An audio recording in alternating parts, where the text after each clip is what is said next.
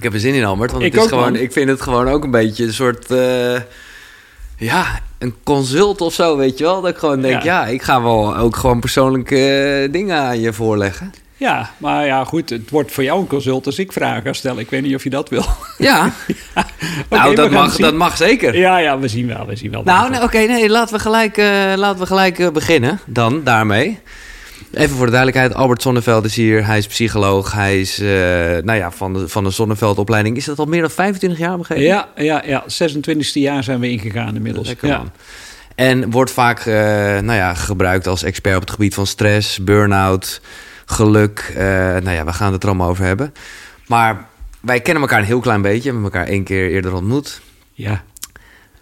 Dus ik ben wel gewoon wel benieuwd wat jij... Ja, ja, jij hebt toch ook een soort beeld van mij? Of, of eh, ja, nou, ik, wil, ik ben al wel benieuwd. Ja. Ja, man. Ja, ik heb zeker een beeld. ja, wie niet, weet je wel. Maar ja, je vult natuurlijk altijd je eigen beeld in. Maar Ja. het eerste beeld wat, eh, wat in me opkomt bij jou is echt wel super onconventioneel. Hm. En daar hou ik van. Weet je, ik hou van mensen die, die boven of naast of eh, achter de massa gaan staan en zich juist niet willen conformeren. Eh, want ja, daar zitten vaak de meest succesvolle mensen. ehm, die niet bereid zijn om met de grijze massa mee te lopen, maar juist zich willen onderscheiden. Ik zie dat bij zakenmensen, ik zie dat bij artiesten. Ja. Ja. je bent natuurlijk op jouw manier ook artiest. En dat, dat helpt wel om eh, nou ja, het leven te, le- te leiden wat je graag wil leiden. En, want jij coacht inderdaad vele nou ja, bekende mensen, in politiek, eh, zakenleven, nou ja, artiesten zeg je zelf al. Wat is, wat is het, dat, daar zit ik wel eens mee, dat ik gewoon denk, ik probeer dat heel erg te downplayen of in ieder geval, nou ja, te voelen zoals het is. Helemaal niet ook weg te stoppen, maar dat, ja, hier kunnen de meeste luisteraars even niks mee, sorry. eh, maar eh, dat bekend zijn en herkend worden, wat doet dat met een mens? Ja, dat, dat is moeilijk om dat te generaliseren. Omdat Ja, een, het is ook weer hoe ga je ermee om, zoals zoveel dingen in het leven. Want een, een aantal die, ehm, ja, die, die gebruiken dat juist. Hè, maar dan kijk ik altijd weer, voordat ze bekend waren, wat was er toen aan de hand? Ja, ja. En dan, dan gaat het vaak in je leven al sterk over erkenning en herkenning. En dan, dan gebruik je juist het podium om, om jezelf uit te vergroten en tegen jezelf te kunnen zeggen: zie je wel, ik ben echt de moeite waard. Ja, ja, ja. Je ziet het bij zakenmensen vaak, zeker in een familiebedrijf. Hè, dan, dan moeten ze meer of meer gaan concurreren met papa. Plekje verwerven, ja. ja, want papa die, eh, die vond in ieder geval, of mama, dat je niet goed genoeg was. En nu zal ik eens bewijzen dat ik het wel degelijk ben. Dus daar zie je ook al een, een, een, ja, een soort compensatie van een gevoel van minderwaardigheid. Ehm, en anderen hebben een soort natuurlijk talent om helemaal zichzelf te zijn en zich absoluut niks aan te trekken van, van wat dan ook. Van de sterrenstatus die ze hebben. Maar misschien zelfs, zijn ze er zelfs wel een beetje overdreven eh, bescheiden in. En zou je haast zeggen van, goh, je mag wel wat meer ja, je rol omarmen. Want daarmee ben je ook heel inspirerend voor heel veel mensen om je heen. Ja, dus het is inderdaad echt weer zoals alle dingen in het leven. Het ligt eraan hoe je ermee omgaat. Ja, En ja, dan- ja, in mijn leven is alles neutraal totdat je het een betekenis gaat geven. Ja, maar goed, dat ga je toch wel altijd doen. Ja, ja, dan kom je niet aan. En dat is natuurlijk het hele spel zoals je dat meemaakt op aarde. Dat is natuurlijk super interessant, want ehm, ja, volgens mij zijn we ons hele leven bezig om, om juist dat midden steeds te zoeken. En ja, je neemt in je opvoeding een aantal overtuigingen mee die jou juist uit je comfortzone trekken. Nou, en dan ben je daar waarschijnlijk je rest van je leven mee bezig om dat weer ergens terug in het midden te krijgen. Ja. Ja, in het midden inderdaad. Dus gewoon echt, het kan wel, het kan niet iets met me doen. Echt in de, het is eigenlijk, ja, maar dat is wel echt lastig, toch? Ja, tuurlijk. Ik, ik zeg altijd, eh, ja, wil je gelukkig zijn, daar heb je ongeveer een dagtaak aan. Ja, Ja, want Ja. ja. mensen zeggen altijd, ja, ik wil zo graag in balans zijn. Ja. Maar ja, ik, ik zelf geloof ik niet zo in balans. Want je bent per definitie uit balans. En het leven is juist bedoeld om je steeds in, iedere keer opnieuw uit te nodigen... om ergens in het midden uit te komen. Maar Ja. zodra je er bent, dan gebeurt er wel weer iets het is een leven. beetje hoe je balans ziet. Als balans eh, de hele tijd op één punt is, ja, maar Ja. misschien is dat ook geen balans. Maar als het eh, van links naar rechts is en dat de hele tijd, ja, Ja, is het toch een soort van balans ook. ja, absoluut. Ja. Ik vind het leuk dat jij eh, geluk beschrijft. En ik bedoel, een van onze connecties is ook Thijs Lindhout.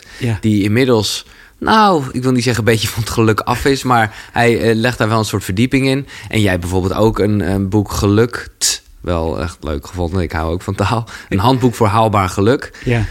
Maar zelf merk ik, eh, en ik weet uiteraard dat jij het goed bedoelt hoor, maar ik vind het toch even goed om te benoemen dat dat geluk, ja, het spreekt mij niet zo aan of zo. Nee. Omdat het gewoon, eh, nou ja, het, het, het kan heel erg neigen naar nog de, de korte termijn, zal ik maar zeggen. Ja, ja.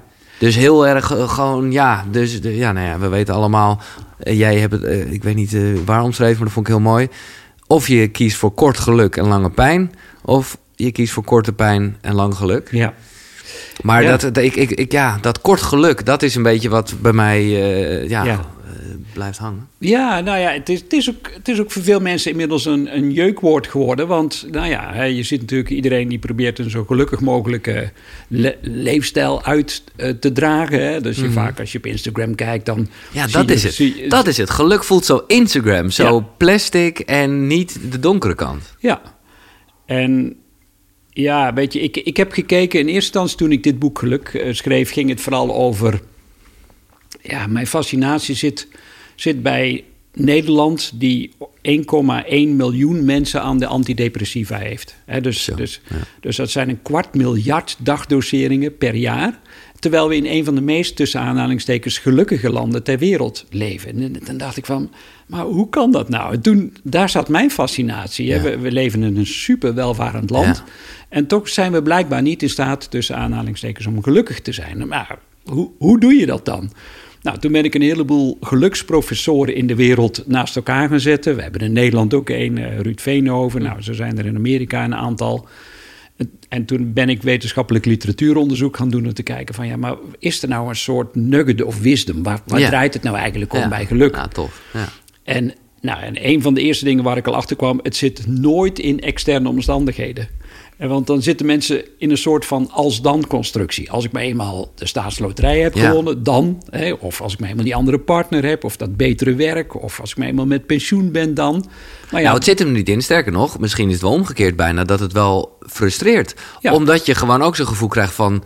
ja, ik heb dit, ik heb dit, ik heb dit. Nu moet ik wel gelukkig zijn. Dus er komt bijna een soort druk vandaan. Ja, en dat is het ook. Daar zit ook veel frustratie Ja. van. Nou heb ik het, hè, want ik zie dat bij succesvolle Nederlanders, natuurlijk bij een deel van mijn cliënten ook. In materieel opzicht hebben ze echt alles, kunnen alles kopen wat hun hartje begeert en niet gelukkig. Nou, waar zit het hem dan wel in? Ja. Hè, want dat is denk ik ook wel interessant. en ehm, het, ja, voor mij zijn dat drie dingen. En het eerste is dankbaarheid. Eh, dus create an attitude of gratitude. Dat je vooral ziet wat je wel hebt in Mhm. Ja. plaats van wat je niet hebt. Ja. Dat is voor heel veel mensen al een, eh, een heel ding. Ja, ja. Word daar 's morgens maar eens mee wakker of ga daar s'avonds maar eens mee slapen. Waar ben ik vandaag dankbaar voor? Acceptatie. Hè, dus dat je, ja, zoals je hier zit, zoals wij hier zitten, Ja. zijn we het resultaat van alle keuzes die we tot nu toe hebben gemaakt in ons leven. Ja. Nou, gefeliciteerd Giel. Ja, jij ook. Daar zitten we dan met ja, ons goed Nee, maar dat vind ik wel lekker. Je zegt- benoemt het zo even. Maar ik denk wel, ja. ja. Ja. nou ja, als je daar tevreden over bent. Maar veel mensen die, die schieten in een soort overlevingsstrategie. Hè? Dus die gaan of vechten of ze gaan vluchten. Of eh, nou ja, misschien gaan ze bevriezen. Of ze gaan het wel op een of andere manier steeds steun zoeken bij andere mensen. Maar ze kunnen niet accepteren dat daar waar ze nu zijn... het resultaat is van alle keuzes die ze hebben gemaakt. Dus dankbaarheid, acceptatie. En ik zeg er nog even bij, eh, voor mezelf vooral, want dat heb ik lange tijd een beetje als een soort eh, gekke kronkel. eh, dat ik dacht, hè, maar acceptatie voelt ook een beetje alsof je geen ambities meer mag hebben, alsof je geen doelen Hmm. mag hebben. Terwijl eh, het zit hem er juist in dat je tuurlijk die wel eh, kan hebben, maar wel in combinatie met de acceptatie van nu. In plaats van alleen maar, oh, maar ik wil nog dit en, en, en niet stilstaan bij Ja, het moment. nou ja, het lastige, als we nog heel even doorgaan Ja. naar acceptatie. Ja. Acceptatie kun je niet doen. Nee, En, en, en, en dat, veel mensen willen iets doen van, hè, dat wordt je ook. En tegen iedereen wordt er wel gezegd, nou laat toch los. ja, ja la- loslaten is ook zo mooi, ja. Go with the flow. Ja, Maar ja, weet je, ik, ik weet niet of je die metafoor kent van, eh, dat is, dat is op zich wel een, een hele duidelijke van ehm, een, een, een man die loopt te wandelen in de bergen en op een gegeven moment let hij niet op, want er is een mistbank gekomen en hij valt zo in een ravijn. En in een soort reflex eh, in die mist grijpt hij zo naar iets en dat blijkt een, een wortel te zijn van een, uitste- een uitstekende wortel van een boom. Maar de mist trekt op, hij kijkt naar beneden en eh, shit man, 80 meter eh, ravijn onder zich. Ja. En, en ongeveer 50 meter boven hem dus de rand van de ravijn. En ja, daar hing hij dan aan één arm.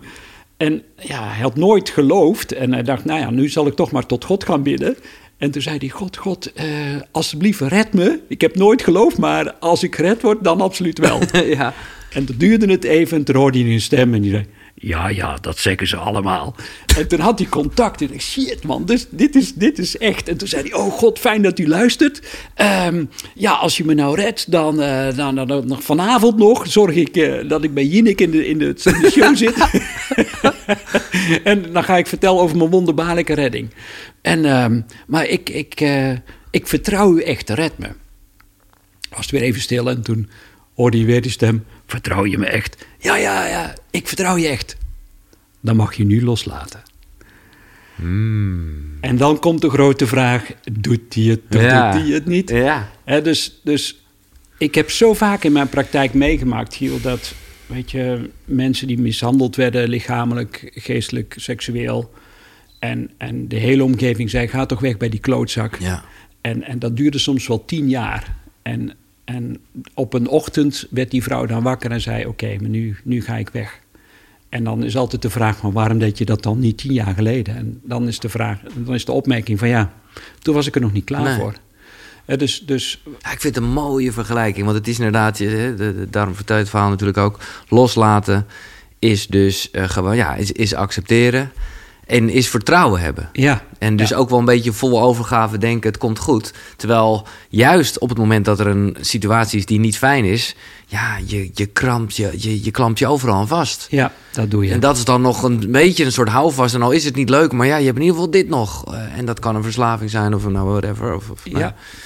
Ja, en, en dan het derde als het gaat over Ja. geluk. Hè? Dus we hebben dankbaarheid, acceptatie. En je, je zei het woord al, vertrouwen. Vertrouwen, ja, precies. En Ja. vertrouwen is voor mij zoiets dat het leven zichzelf doet.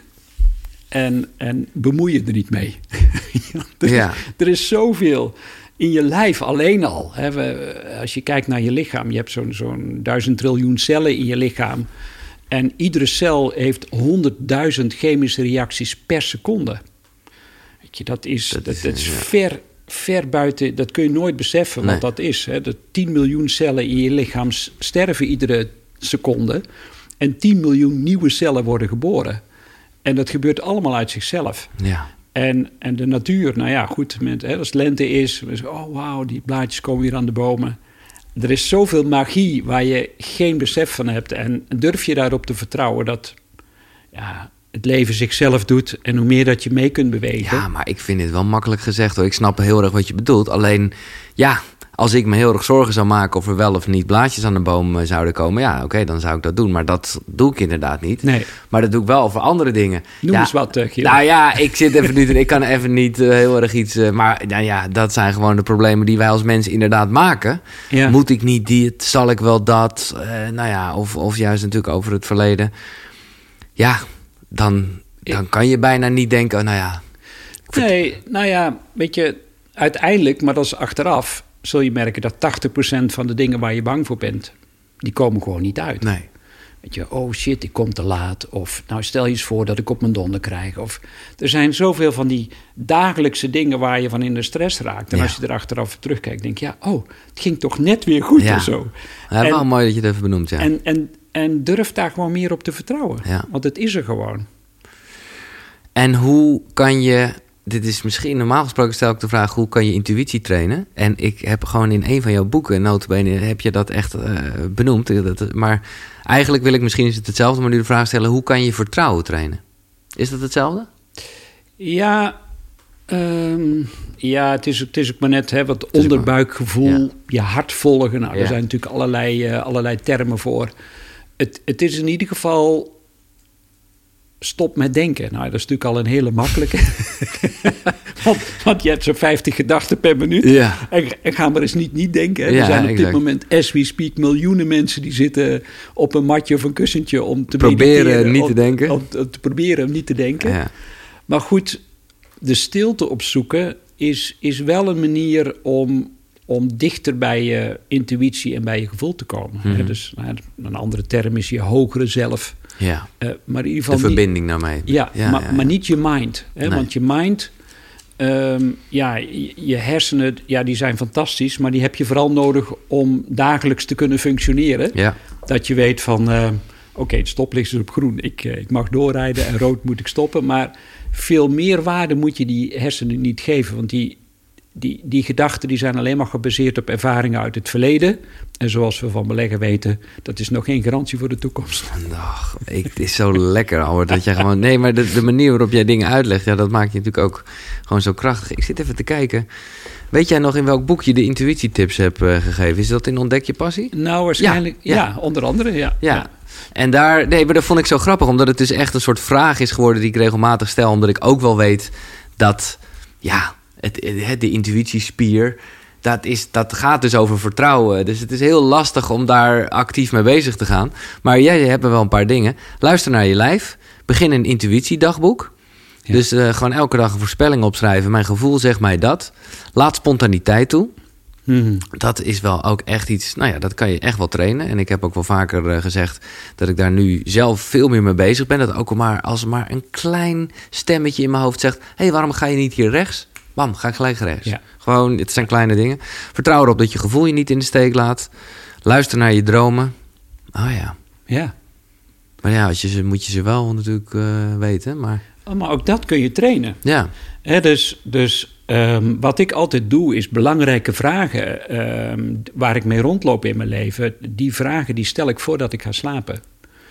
Dus dat, kan je een voorbeeld geven? Ja, bijvoorbeeld van wat is nu de bedoeling in mijn leven? Ja. En niet, niet van. Zulke oh, grote vragen wel echt. Ja, help, help, me, help me een keuze te maken. Want uiteindelijk, je moet zelf je keuzes Ja. maken. Maar ja, wat, wat is nu een, een, een grote kracht voor mij op dit moment? Of wat is, wat is een situatie waar ik alert in moet zijn? En bijna met, de, met dat als een soort van mantra ga je in slaap vallen? Daar ga ik mee in slaap vallen. Ik zorg wel dat ik van tevoren geen alcohol heb Ja, gebruikt, nee, weet je, dat soort dingen. Dus, en dan ehm, meestal zorg ik dat ik voldoende water heb gedronken... dat ik minstens één of twee keer per nacht mijn bed uit moet om te plassen. Hmm. En, en dat zijn vaak ook die... En dat gebeurt altijd op het moment dat je zo net uit je remperiode komt van je slaap. Eh, ik zorg dat ik een aantekenboekje eh, op mijn nachtkastje heb liggen. Ja. En ah, man, dat is zo fascinerend wat, wat je dan aan dromen kunt herinneren. En dan zijn ze nog niet altijd even duidelijk. Vannacht eh, had ik gedroomd dat ik ehm, onder een prikkeldraad door moest. Nou, is leuk dat je het zegt. Ja. Hier hebben we... en, eh, en ik bleef met mijn jas hangen. Oh, En dan dacht ik, oké, goed. Dus ik, ik kan hem nu nog niet verklaren. nee, nee, nee. Eh, maar ik, ik, ik heb hem in ieder geval al opgeslagen. Maar ik vind dit dus wel... Want dit is niet echt... Dit voelt niet als iets positiefs. Nee, het is eh, ergens... Hè, Mhm. Nu dat we erover praten, Ja. hou ik me nog, mezelf nog ergens in. Ja. En nu als we dit weer zeggen, daarom is het zo leuk om medemens te hebben... waar je gewoon, hè, in Ja. de dynamiek ontstaat er iets. ja. Ik had eh, gisteren kreeg ik een filmpje toegestuurd. Jij, jij waarschijnlijk krijgt ook regelmatig filmpjes Absoluut, toegestuurd. En dit was van een, van een eh, Australische vrouw die, die bomen aan het planten is in de hele wereld. En ze had zoveel krachtige energie. En ze zegt, het is nu het moment om op te staan. Het is nu het moment om de wereld te redden. Het is nu het moment om... Lalala, hier zijn we voor naar aarde gekomen. En toen dacht ik, wauw. Eh, Neem een standpunt in. Go for it. Ja. En, en cut the crap gewoon. Ja, Hou mooi. op met al het gelul en ja maar's. Doe het gewoon. En Ook een beetje naar jezelf toe eh, zeggen. ja, Ja, nee, ja, oké, duidelijk, 100%. Ja, Ja. Dit, dit is mezelf. Eh, dus, dus nou, dankjewel Giel dat we er even op doorgegaan Ja, zijn. want nu valt... eh, ja, ja, ja. Ja, misschien ook, ook met de, in dit interview... Ik wil me nergens in terughouden. Dus Nee. ik wil mezelf niet in het eh, prikkeldraad wringen. Nee. Ja, maar ja, dat is grappig dat jij nu het zo vertelt. Want je kan ook denken, als je je niet inhoudt, dan... eh, nou ja, eigenlijk is dat niet zo, nee. Nee. Nee, ik wil even zeggen, dan kan je juist in het prikkeldraad komen... omdat je misschien dingen... Nee, maar nee. Nog even, dat sluit hier leuk op aan... als jij dus inderdaad ook een schrijfblokje naast je bed hebt. Eh, ja, je hebt het ook heel erg over eh, stress Ja. in eh, jouw, jouw coaching. En daar willen mensen natuurlijk veel van weten... want dat is ook van de tijd waarin we zitten. Een piekerschrijfblok. Ja. Die, ik bedoel, ik heb een hoop dingen gelezen dat ik dacht, oh ja, dat vond ik echt, maar juist jouw manier spreekt me heel erg aan, maar had ik al een hoop dingen wel gehoord. Maar een piekerschrijfblok, dan schrijf je gewoon even leeg. Ja, ja en dan ga je ontdekken, want um, het, wat je te leren hebt op het moment dat je een probleem hebt, het probleem dat los je op in drie stappen. Altijd heerlijk, lekker Amerikaans. Bam. en de eerste stap is bewustwording. Ja. dus dat je gaat snappen, oké, wat zijn mijn patronen? Wat wil zich herhalen? En ja, zo'n piekerschrijfblok helpt je sowieso om die patronen te gaan ontdekken. Want er zitten natuurlijk, ja, je hebt zo'n 50 gedachten per minuut, maar dat zijn niet steeds dezelfde gedachten. Misschien sommige mannen wel. die, denken, die denken maar aan één ding. Ja. Auto's en voetbal. Ja. Oh, okay. maar, oh, ja, ja. Maar, um, maar over het algemeen uh, ja, zijn dat geen nieuwe gedachten. En, en als je nou, een aantal nachten op een rij of voordat je gaat slapen merkt van wow, dat er steeds weer een ding wat terugkomt. Ja, dat is bewustwording. Ja. En dan de tweede stap om een probleem op te lossen is eigen verantwoordelijkheid nemen. Nou, dus dan kun je niemand meer de schuld geven. En dat moet jij het doen. En jij moet het ook alleen maar doen, want je bent het resultaat van alle keuzes die je hebt. En dan, ja, stap drie is betere keuzes maken. Maar het begint. veranderen dus eigenlijk. Ja, zeker. Ja. Nee, dus het is, dit, is, dit vind ik echt machtig mooi, want.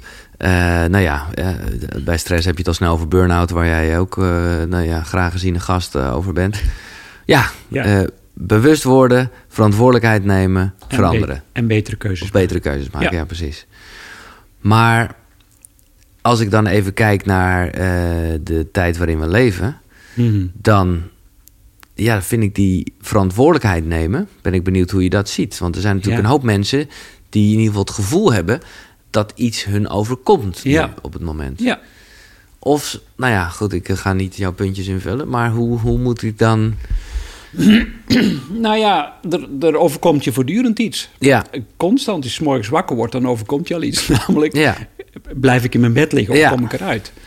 En het, het, weer, het gaat nooit over, over de feiten. Het gaat altijd over de interpretatie van de feiten. Dus je bent zelf verantwoordelijk voor hoe je omgaat met de situatie? Altijd. Ja. En, en, maar ja, dat, dat weet jij ook. Sorry. Um, het, het is zo verschillend hoe je met situaties omgaat. Ik, ik ken mensen die in een rolstoel zitten en, en super gemotiveerd en optimistisch en blij zijn en andere mensen weten te inspireren. En er zijn mensen die, die met krukken lopen en alleen maar bloedzaggerijnig zijn en, en niet te genieten zijn. Hè. Misschien is dit een ongemakkelijk voorbeeld, maar nee, het, het is wel zo. Het, het gaat nooit over de situatie, het gaat over hoe jij ermee omgaat.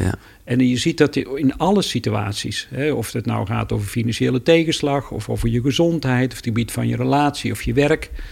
Ja, hoe komt het dat in dezelfde situatie, bijvoorbeeld bij een reorganisatie, de een zwaar gefrustreerd en geïrriteerd is. En de ander zegt van wow, dit is een kans om er iets anders van ja, te maken. Nou, hoe komt dat?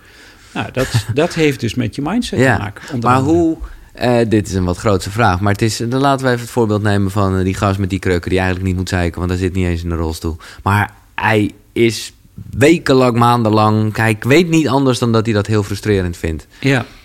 Ja, hoe, uh, ja, hoe, hoe, hoe maak je die switch? Ja, nou ja, sowieso al om te merken dat, dat alleen maar negatief zijn of, of energie, dat, hè, dat vraagt alleen maar energie. Ja, dat was dus op. Ja. Dat, dat, dat weet ergens diep, ergens komt er een moment dat je denkt, ja, hoe lang wil ik hier nog over zeuren of zeiken? Ik, ik, heb, ik heb ooit een echtscheiding meegemaakt en ik was daar zo kapot van. En, en ik, ik, ik, kroop over de vloer van ellende. En ik had ook ontzettend veel medelijden met mezelf. Hm. en, en, toen ben ik, ben ik een playlist gaan maken met de meest tranentrekkende Nederlandstalige... Lekker zwelgen Echt, verdriet. zwelgen, jongen. En nou, ik stond ermee op en ik ging ermee slapen. En echt, ik jankte de ogen uit mijn kop. En ergens, weet je, toen ik die playlist voor de misschien wel 200ste keer gedraaid had... ik was hem zo spuugzat. Dus en, en nu is het gewoon klaar. Ja. Weet je, ik, ik wil niet meer, ik hoef niet meer. Het, het, het is over. Nou, had ik daarmee een andere relatie? Nee, absoluut niet. Maar I hit rock bottom. Ja. En, en toen kwam ik daar doorheen. Dus, dus het is voor mij juist... confronteer jezelf met de ongemakkelijke situatie. Kijk het monster in de bek. Ja. Ga het vol aan, maar dan ook echt vol aan. En ergens zul je merken dat daar een einde aan komt. Ja. En niet Nee, door maar dit het vind ik ook wel mooi. Want dit geeft je ook wel een soort rust. Want natuurlijk, hè, als je dit voorbeeld geeft, was dat ook even nodig. Ik bedoel, Ja. om dan gelijk door een roze bril te gaan zeggen... nou ja, zo is het nou eenmaal. Eh, Dat, dat, dat, dat is gewoon nep. Nee, ja, dat, dat is natuurlijk wel, en dat zien we ook wel een beetje in, in de spirituele wereld. Weet je, dat ieder probleem met een, met een eh, positieve affirmatie wordt opgelost. Ja, Eh, terwijl je zwaar kloten voelt. En je kijkt 's morgens in de spiegel en je zegt dan tegen jezelf: Ik voel me geweldig, ik voel me geweldig. ja. Ja, ik, dat, dat is de manier, niet de manier waarop ik met affirmaties zou Nee, willen omgaan. Nee, dat was een beetje wat ik ook bedoelde met geluk. eh, maar de, ja. In Amerika hebben ze daar een mooie titel voor trouwens, of een mooie gezegde. Daar noemen ze het angel shit. Wat? wat Angel shit. Angel shit. Ja, als, Ja, ja, ja. Als, je, als je die affirmaties gebruikt om, om jezelf iets anders aan te praten terwijl je niet zo Niet voelt, voelt. Nee, ja, precies. dan, dan ben je niet congruent eh, Nee. met ja, je gedachten en je gevoel. Ja. Nee, dus dat is ook weer nou, acceptatie. Ja, ja, ja. Nou, het is mooi. eh, ja, ik noem het mooi, hoe pijnlijk ook. eh, waar we het net over hebben, wat jij net zegt. Het is maar net hoe je met de situatie omgaat. Wij delen een gekke, gek iets, eh, een, een bijzonder iets... eh, dat we alle twee onze vader hebben zien sterven. Ja, oké. Dat wist ik niet van jou. Ja, ik moet zeggen, bij jou, eh, eh, ja, eh, is dat, bij mij was het gepland. Eh, Mhm. hè? Dus dan, dan, ja, maar, dus dat is, dat is iets anders dan, eh, denk ik, dat het bij jou ging. Ja. Toch? Of Ja, bij, absoluut, Bij jou ja. d- ja, ik ben dan toch, ik ben gewoon nieuwsgierig, Albert. Maar eh, als je er niet over wil praten, snap ik Ja, dat ook. Maar hoe, hoe moet ik dat voor me zien? Je, je was echt in gesprek met hem? Ja, nou ja, het was bijzonder toen ik acht jaar was. Toen, ehm, toen ging mijn vader al het huis uit omdat hij... Hij was heel vroeg aan het eh, dementeren. En eh, kwam in een verzorgingshuis terecht. En, en die, Dus, dus echt een vader heb je in dat opzicht ook al niet gehad sinds nee, dat moment? nee, Zo. nee, nee, niet, niet, eh, niet zoals ik dat heel graag Nee. had gehad. Nee. En ehm, nou, ik ging hem wel regelmatig bezoeken. En, en dat was mooi, want wat je met dementie vaak aantreft is... is eh, nou, soms, soms heb je totaal geen contact. Maar er waren ook momenten bij mijn vader dat, ik echt, dat hij heel helder was... en dat hij me ook herkende. Ja. Toen ik 17 was, toen ging ik ook op visite bij hem. In het verzorgingshuis. Dat was heel helder op dat moment. En ik maakte nog een grapje. Dat was de manier waarop we contact kunnen maken met elkaar. En ehm, hij glimlacht. En op, na die glimlach krijgt hij een hartinfarct. En hij sterft voor mijn ogen. En dat was voor mij wel een, eh, een heel heftig moment ook. Ja. Ja. En is dat nu, hè, nogmaals, bij mijn vader was het euthanasie, dus ik zou bijna zeggen, uiteraard weet ik ongeveer elke milliseconde voor mijn gevoel nog van dat moment. En kan ik dat ook, nou ja, een soort van koesteren. Heb jij, is dit een film die jij nog vaak afspeelt? Of, eh, Nou, niet op die manier, maar wat het met mij gedaan heeft. Hè, Ja. Dat is ook de reden dat ik nu hier zit. Nee, precies, Eh, daar- daar wilde ik Want uiteindelijk ben, ik, ben ik psycholoog geworden om Ja. juist dat trauma te verwerken. Maar wat, wat het gedaan heeft bij mij is dat het me enorm geconfronteerd heeft met de vergankelijkheid van het leven. Ik had echt zoiets, shit man, het kan zomaar afgelopen Ja. zijn. Boom, in een seconde. en dat heeft juist ook een soort drive gegeven. En dat heeft me een enorme drive gegeven. Dat, dat heeft er ook voor gezorgd dat ik echt wel een soort thrill-seeker geworden ben. Ik heb echt de meest heftige dingen gedaan in mijn leven. Eigenlijk om dat uit te dagen. Mhm. Ehm, aan de ene kant, ik was... Ik, ik weet het niet. Of ik was scheidbang om te leven... of ik was heel bang om dood te gaan. Ja, ja, ja. En, maar het, was, het is altijd zo on the edge geweest eh, bij mij. Ehm, want ja, die vergankelijkheid, ja, die is er nu eenmaal. Die, hè, dat, dat geldt Dat voor ons we. allemaal, dat Ja. weten we. En dat is een beetje grof gezegd, maar ja, we zijn terminaal vanaf onze geboorte. Dus, dus eh, ja, het, Ja. het, het- het Ja. is zo. Ehm, maar wij, wij proberen daar zeker in het Westen zo ver mogelijk omheen te lopen en, en te doen alsof het er niet is. Maar het, dat bewustzijn heeft me juist enorm uitgedaagd om het leven vol op te zuigen. Zoals, ja, ik weet niet of je dat, die opname van Toon Hermans eh, kent, dat hij dat zo'n persik eet. En dan, die- Dan gaat hij dat helemaal, ja, dan, dan, tergend langzaam eigenlijk. ja, maar, dan, dat, dat, dat eet hij op en Ja. dan, dat sap loopt langs zijn arm en dan zuigt hij helemaal op. En Ah, zo, zo, Zo moet je het leven ja, nemen, zo ja. wil ik ook het leven gewoon echt volledig Maar opzouden. heb je dat gelijk gehad? Want, Nee, eh, man. Nee, Ah, want ik kan me ook voorstellen dat je dan ook in een, in een situatie komt waarbij je er weg van loopt, eh, het wil verdoven met allerlei dingen. Ja, ja, ja. Het eh, is heel gek. Inmiddels heb ik geleerd, tenminste in mijn leven, dat, dat, dat je mentale en emotionele en ook fysieke rekbaarheid ongeveer anderhalf tot twee jaar is nadat je een heftig gebeurtenis hebt meegemaakt. Oké. Meestal met verlies. Oké. En- Dus, dus nog even, want dit vind ik wel interessant. Hoe, hoe, dus op het moment dat zo'n heftig iets gebeurd is, ja. dan, eh, wat, wat, hoe zie je dat Nou dan ja, direct weet je, wat het leven vraagt is dat je die emotionele indruk uitdrukt. Ehm, want als je dat niet doet, dan krijg je een soort hypotheek op je lichaam waar je Ja. rente van aflost. Mooi, ja. En ik was in shock. En wist ik veel. Dus ja, niemand wist dat zeker niet toen de tijd. Nee. Dus eh, nou ja, en ik, ik ben ook nog in een zwaar christelijk gezin opgegroeid. Eh, Dus, dus ja, daar wordt dan geen aandacht aan, niet meer aan niet besteed. veel over gepraat. Nee. En, ehm, maar ja, ik begon steeds meer klachten te krijgen. En ik, ik, ik werd ook steeds angstiger. Hè? En ik, eh, ik, ik begon paniekaanvallen te krijgen. Maar ja, niemand wist waar dat vandaan kwam. Er werd geen relatie gelegd naar dat trauma en de, en die paniekaanvallen die ik had. Ja, ga maar naar de huisarts. Ze pam. Tuurlijk. Verdoven die handel. Hup, pammetje erin.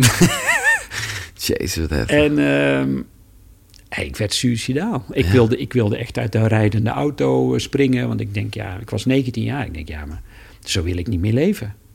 En in feite was er, als ik er nu naar kijk...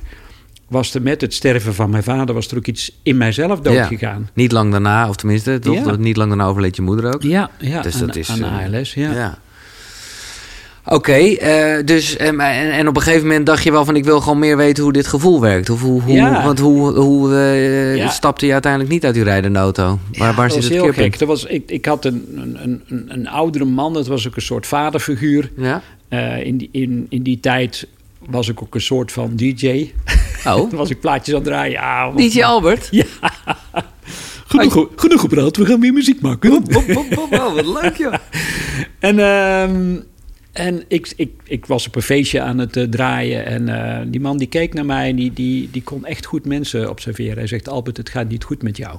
Oké dan. En ik barstte in huilen uit op dat feest, terwijl ik aan het draaien was. En hij had echt de juiste snaar geraakt. Hij zegt, ik kan jou niet helpen, maar ik breng jou wel naar iemand, naar iemand die jou wel kan helpen.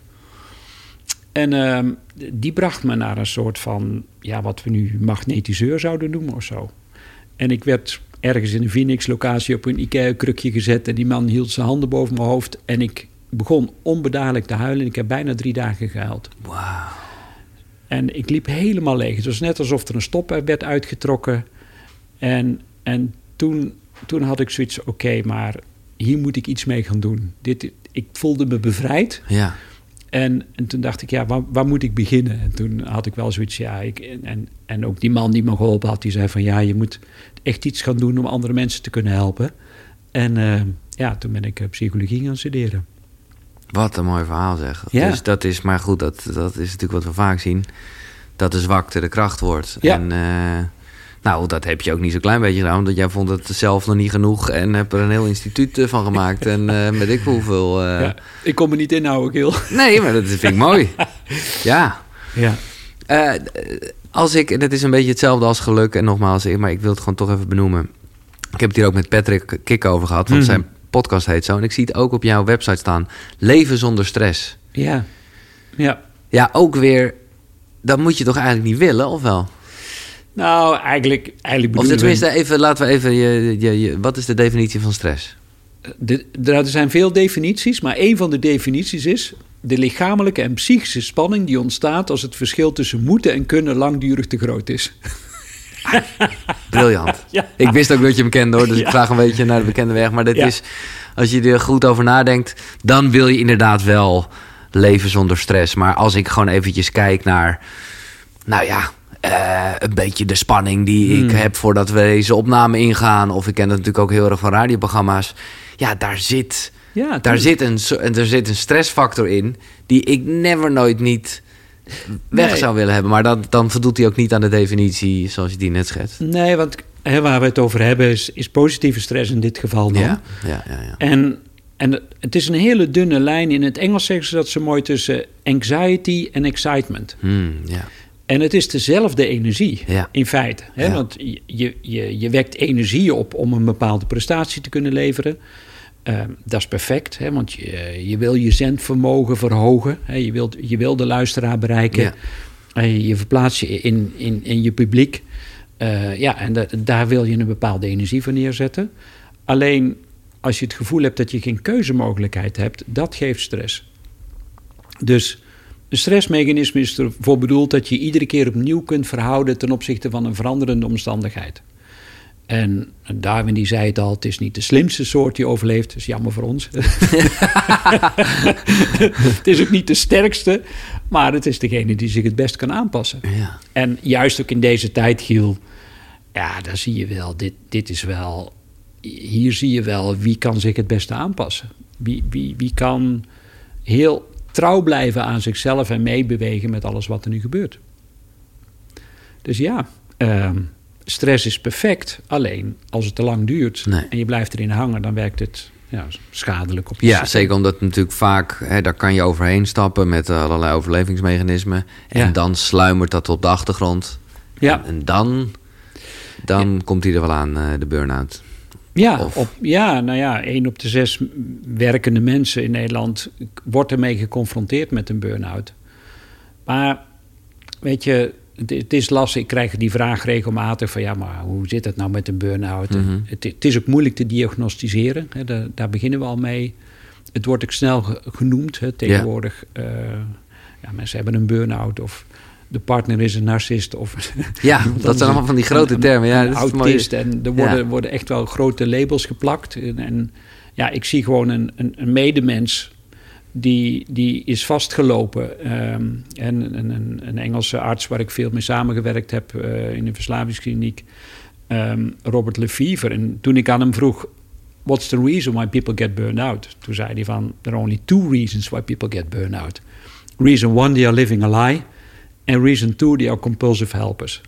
En wat hij er eigenlijk mee bedoelt, living a lie, is dat je te lang iets doet waar je hart of je bezieling Ja. of je passie niet ligt. Maar dus echt ook tegen jezelf aan het liegen bent. Ja, keeping up appearances. Ja, ja, Kijk mij, en, en dat is natuurlijk ook een beetje... Ja, maar eigenlijk, maar, dit, maar maar dat vind ik het mooie, want je kan namelijk niet tegen jezelf liegen. Nee. Maar je geeft er gewoon niet aan toe, maar je weet elke avond, ah, dit is Ah, niet shit. goed. eh, ja, ja, ja, Weet je wel, ik zou, ik zou eigenlijk, Eigenlijk, weg moeten bij die baas, die eikel. Of ik ben niet gelukkig in mijn relatie. Maar ja, we hebben nu eenmaal kinderen. Of, Ja. Maar ja, eh, ik, ik heb nu eenmaal een huis en een hypotheek, dus ik blijf maar doorgaan. En die andere?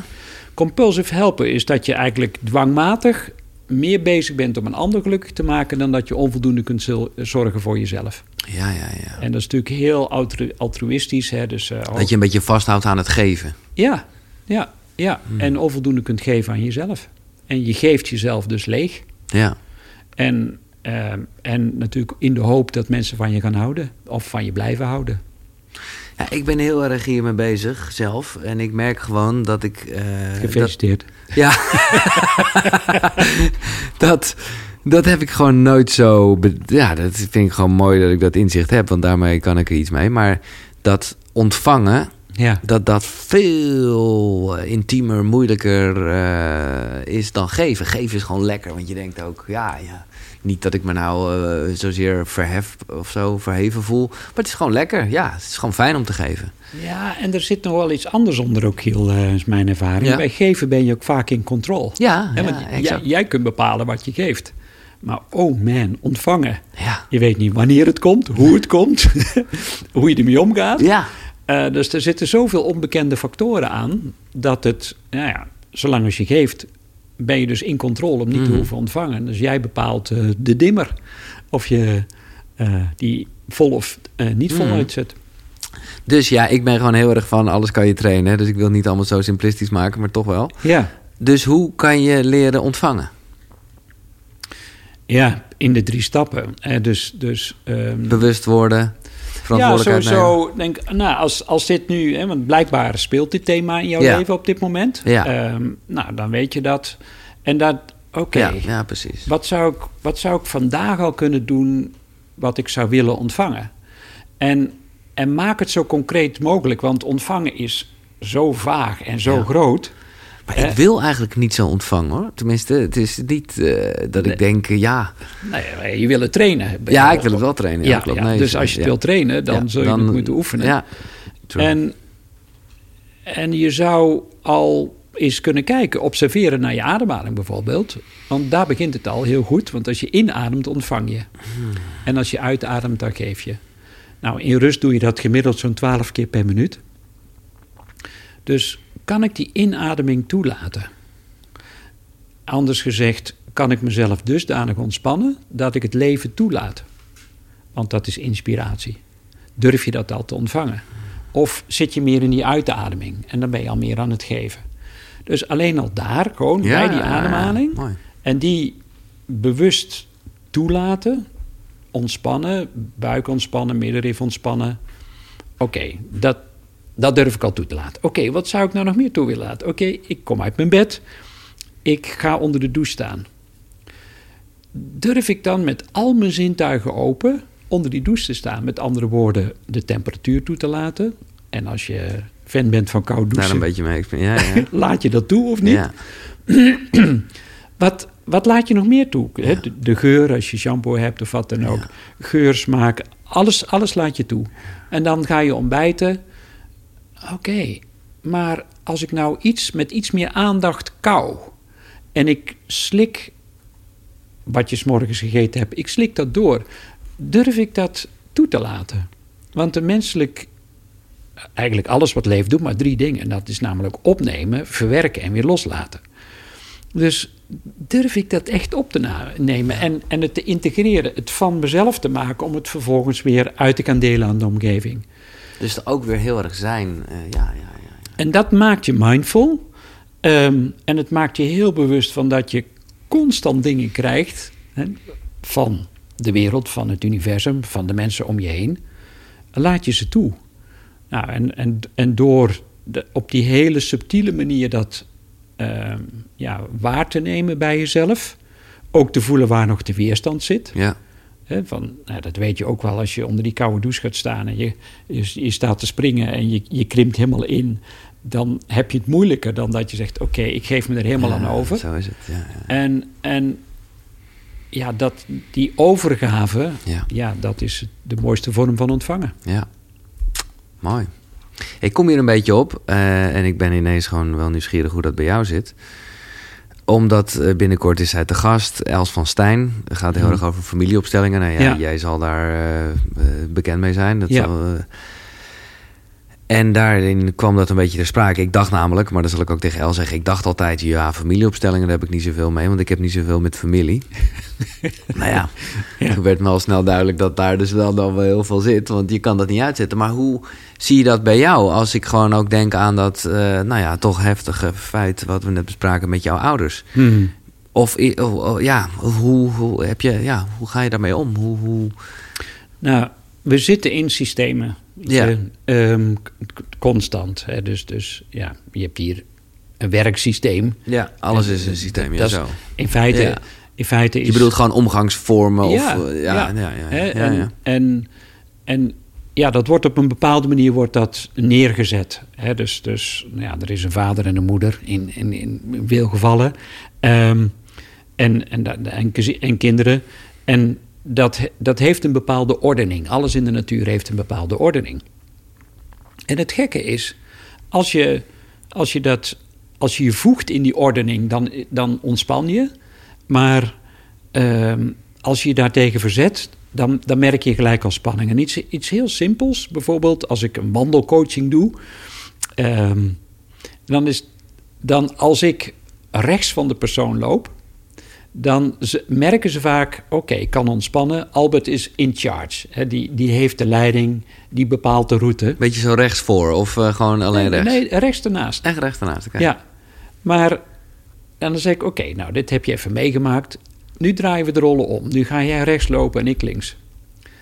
Ja, eh, het voelt in één keer heel anders. Ja, ja. En ik kan het niet benoemen, maar het is, ja, het is een beetje onwennig. En ik heb het gevoel dat er nu een bepaalde druk op me ligt. Of dat er iets van me verwacht wordt. Interessant. En, en ook weer, hè, als je een tafelschikking hebt, ga er eens in veranderen. En, eh, hè, of als je in een organisatie bent, in een team, ehm, nou, je hebt een aantal medewerkers. Zet jezelf eens in het midden en plaats dan jouw medewerkers eens om je heen. En, en dan zul je merken dat sommigen dichterbij worden gezet, sommigen wat verder weg, sommigen weer een nieuw cluster vormen, Ja. anderen juist een beetje alleen komen te staan. En dat is super interessant om te kijken van, hé, hey, maar die dynamiek die ik hier nu voor mijn ogen zie verschijnen, komt die een beetje overeen met hoe ik hem ook ervaar in de communicatie in ons team of in de relatie. Ja. Nou, nogmaals, we gaan hier, eh, er komt hier een aparte aflevering van die opstellingen. Maar, het is, maar jij hebt, en misschien, ja, ik bedoel het echt niet zo hard als dat het misschien klinkt, maar ergens, misschien juist omdat ze wel, omdat ze niet meer leven, ja, heb je zelf vanaf jonge leeftijd gewoon ja, kunnen plaatsen waar ze, waar ze waren. Ja, nou ja, ik, ik, er zijn vaak van die momenten. Ik, ik heb ook wel daarna regelmatig vaderfiguren gezocht Ja, in mijn leven. Hè. Een soort surrogaatvaders, mentoren in mijn leven. Die, die me een ongelooflijk gerustgevend gevoel gaven. Mhm. Zo van, oh man, hier kan ik even ontspannen. En hier Ja. hoef ik niet in charge Ja, te zijn. Want toch ook logisch, mijn familieopstelling, die, die ging al mis op mijn achtste. ja. Want doordat mijn vader het huis uitging, ging ik de rol van mijn vader overnemen. Ja, ik, dat bedoel ik eigenlijk. Ja, En- ik, en- ik, ging, ik ging voor mijn moeder zorgen. Ja, En, en een van de belangrijkste overtuigingen die ik daar heb vastgezet voor mezelf, waar ik ongeveer een heel leven over heb gedaan, is: ik mag haar niet teleurstellen. oh wauw, ja. En ehm, dus, dus dat was een, een heftige overtuiging. Want ja, ik denk, ja, ik moet voor haar zorgen. Want nou is mijn vader al weggevallen. Als mijn moeder nou ook nog weggevallen. Ja. Dan heb ik... Ik zat echt letterlijk op mijn achtste jaar... alleen op de wereld te lezen van Hector Malot. Oh, met God, het ja. jongetje Remy. Ja, Ehm, en en ik, ik kon me daar helemaal in ik verplaatsen. snap het, ja. En nou ja, dus ik, ik ben die vaderrol eh, op me gaan nemen. En man, Giel, wat heb ik gezorgd voor vrouwen in mijn leven. Ja, begrijp ik. ja man, echt. Ik heb, nou ja, ik heb, ik heb, een, eh, ik heb zelf vier dochters. Ja. En, eh, ik heb, Nou ja, maar goed, daar ben je ook echt de vaderrol. Daar, daar, daar mag je hem zo ja, hebben. maar, ik, maar ik, ik, ik, extreem blijven zorgen ook. Ja. En daarna had ik een samengesteld gezin, kwamen er nog twee dochters bij. Dus er werden zes dochters, vijftien mensen op kantoor bij ons eh, opleidingsinstituut. Vijftien vrouwen. We hebben zo'n 1500 studenten, 1450 vrouwen. Ja, dus eh, ik heb een portie wel gehad. Ja, maar je zegt het met een twinkeling in je ogen, alsof je daar, nou ja, anders zeg je het ook niet, daar op een gegeven moment bewust van bent geraakt en daar anders mee omgaat. Het heeft me heel erg man gemaakt. Ja. Maar is dat, eh, ja, dat is natuurlijk uiteraard een proces, maar wat, wat, wat heeft je daar heel erg in geholpen om dit te doorzien en om daar, nou, niet zozeer afstand van te nemen, maar in ieder geval anders mee om te gaan? Ja, ik heb daar wel een hele weg in afgelegd. Ja. Hè, want het lijkt natuurlijk, hè, zoals ik het nu vertel, maar dat is altijd achteraf. Ja, Weet je, dat is makkelijk, maar Ja. je wilt niet weten, therapieën, coaching. ehm, ja, bij je eigen opleidingsinstituut. bij mijn eigen opleiding. Nou ja, veel van de opleidingen die, die we hebben, die heb ik, heb ik zelf geschreven. hè. Ja, ja, ja. En, en ja, weet je, en het geldt eigenlijk ook voor de boeken. Ja, Is ik heb bijvoorbeeld zo'n boek al over geluk. Ik was natuurlijk gefascineerd over die depressieve mensen, maar heel eerlijk, als ik daar nog verder dieper op inga, is ja, mijn vader was ook depressief en ehm, en ergens wilde ik de oplossing vinden ook van ja, ik, ik wil alles behalve depressief worden. Want hoe werkt dat eigenlijk Ja, met geluk? ja, ja, dus en, en hetzelfde geldt voor passie. Ik denk, Ja. ja, eh, dus ik, het is leuk dat ik zo vol mezelf in de wereld zet, maar is dit nu vanuit angst of is dit vanuit verlangen? Hmm. En als schrijvend kwam ik er, ben ik erachter gekomen, weet je. Pas, Tuurlijk, pas ja. kiezen vanuit je hart. Ik kon helemaal niet kiezen. nee. Eh, en bij mij werkt het om er eerst een boek over te schrijven. En, en in het, hè, ik heb het proces echt nodig om, om mijn vinger erachter te krijgen wat het bij mij is. Met welk boek ben je nu bezig? Ja, ik ben, eh, ja, ik, ik, ik ben even gestopt met, met schrijven. ehm, maar ik voel wel dat ik nog een boek over Ja. angst, angst wil schrijven. Over angst, ja. Omdat, ehm, ja, zeker ook in, in dat hele coronagedoe. Eh, weet je, ik, ik, ik zie zoveel angst. Ja. Ehm, en ik zou, ik, ik merk, hè, met name de laatste twee jaar, ik heb een heel stellig standpunt ingenomen. Ik wil me niet meer laten leiden door angst. Hè. Nee. Ik, ik leef echt vanuit liefde en vertrouwen. En, en die transitie En, en hoe ik dat doorlopen heb, het lijkt me fantastisch om daar nog een boek over te schrijven. Nou, ik kan niet wachten. Zeker ook wat jij net even met die Engelse woorden, die vergelijking, daar zit het hem in. Hè? Ik bedoel, opgewondenheid, dat mag er zeker wel zijn. Dat moet er zelfs zijn. Dat, dat, moet je ook opzoeken. Ja, ja. Maar inderdaad, uh, te veel blijven hangen in angst en dat, oh, ik moet het kunnen controleren, want dat is het dan een beetje. Ja, ja. Nou, dat zit wel goud in, ja. ja. Ja. Oké, eh, keep you posted. Ja, nee, uh, top, ja. Nou ja, laat ik nog, want dat is één boek en ik moet even plassen. Dus we gaan, we gaan even een kleine microbreak doen. Ja. dat is een ander boek van jou namelijk, 100 microbreaks. Mm Ik, ja, nou ja, ik, ja, kan, je, kan je even een uh, audioversie doen van een, uh, dat we even een microbreakje doen? Ja, absoluut. Dan ja, ga ik echt even plassen. Ik ga wel luisteren. Hè? Ja, zeker. Okay. Ja. Um, ja, een microbreak is een, een, een 90 seconden pauze die je al, altijd en overal kunt doen voor jezelf. Of je nu in de rij staat te wachten bij de kassa of dat je in de auto zit in de file. Um, je, kunt, je kunt altijd voor jezelf een, een ontspanningsoefening doen. Nou, laten we er eens één doen. Als je op dit moment luistert en je zit, uh, dan zou ik zeggen: ga lekker zitten. Twee voeten op de grond. Handen op de, op je, laat je lekker rusten op je bovenbenen. En het eerste wat je doet is even heel bewust uitademen. Of je nu net hebt ingeademd of niet, dat maakt niet uit, maar je ademt even heel bewust uit. En dan wacht je totdat die inademing vanzelf komt. En je hoeft geen adem te halen. Op het moment dat je ontspant, dan komt die inademing vanzelf. Voel dat je contact maakt met de stoel. Voel je gedragen door de stoel. Geef jezelf over aan de zwaartekracht. En adem nog eens een keer heel bewust uit. Alsof je even alle last of alle zorg of alle gedachten die je afgelopen tijd al hebt gehad, even van je afblaast. En nadat je hebt uitgeademd, heb je een soort adempauze, letterlijk en figuurlijk. Sommigen hebben een plaspauze, anderen hebben een adempauze. en dan laat je die inademing weer vanzelf komen. That's it. Gewoon drie, vier keer even heel bewust jezelf overgeven aan de zwaartekracht. Je gedragen voelen door de stoel. Even niets moeten. Uitademen en die inademing vanzelf laten komen. En met een beetje geluk ben je dan met al je zintuigen in het hier en nu. Fantastisch. Echt, ik moet zeggen, jij zegt overgeven aan de zwaartekracht. Ik was ondertussen aan het lopen, dus ik, ik deed niet wat je zei, want ik ging plassen en thee inschenken. Maar toch voelde ik al gelijk, oh ja, dus, ja het ja. zo'n, het kan zo'n geruststelling zijn. ja. De zwaartekracht, lekker. Ja. ja. die hebben we nu eenmaal op aarde en uh, die wetten die hebben we te respecteren. En op het moment dat je daarin meegaat, veel mensen zijn voortdurend aan het vechten tegen die zwaartekracht. Ja. alsof ze voortdurend in de starthouding staan en klaar om weer naar de volgende opdracht te gaan of de volgende klus te klaren. Ja, waarom zou je? Er is, er, er is geen haast. Nee. De haast, haast zit in je hoofd. Nee, maar het is weer zo'n dunne lijn. Want ik denk dat we uh, tegen een hoop dingen aan het vechten zijn. Uh, ja, wat ik wel vaak begrijp, weet je wel, in de zin van dat je iets wil veranderen, dat mhm. is op zich een loffelijk streven. Ja. Maar dat is een dunne lijn, weet je wel, tussen, tussen nou ja, gewoon heel erg zijn, accepteren in het nu en denken, oké, maar eigenlijk, nou, dit zou ik wel fijn vinden als dat beter is, dus daar, daar, daar ga ik mijn aandacht op richten. Of ja, ik ga wel echt gelijk een soort verkrampt gebaar maken. Ja. Of daar tegen willen vechten. Maar dat is toch een dunne lijn.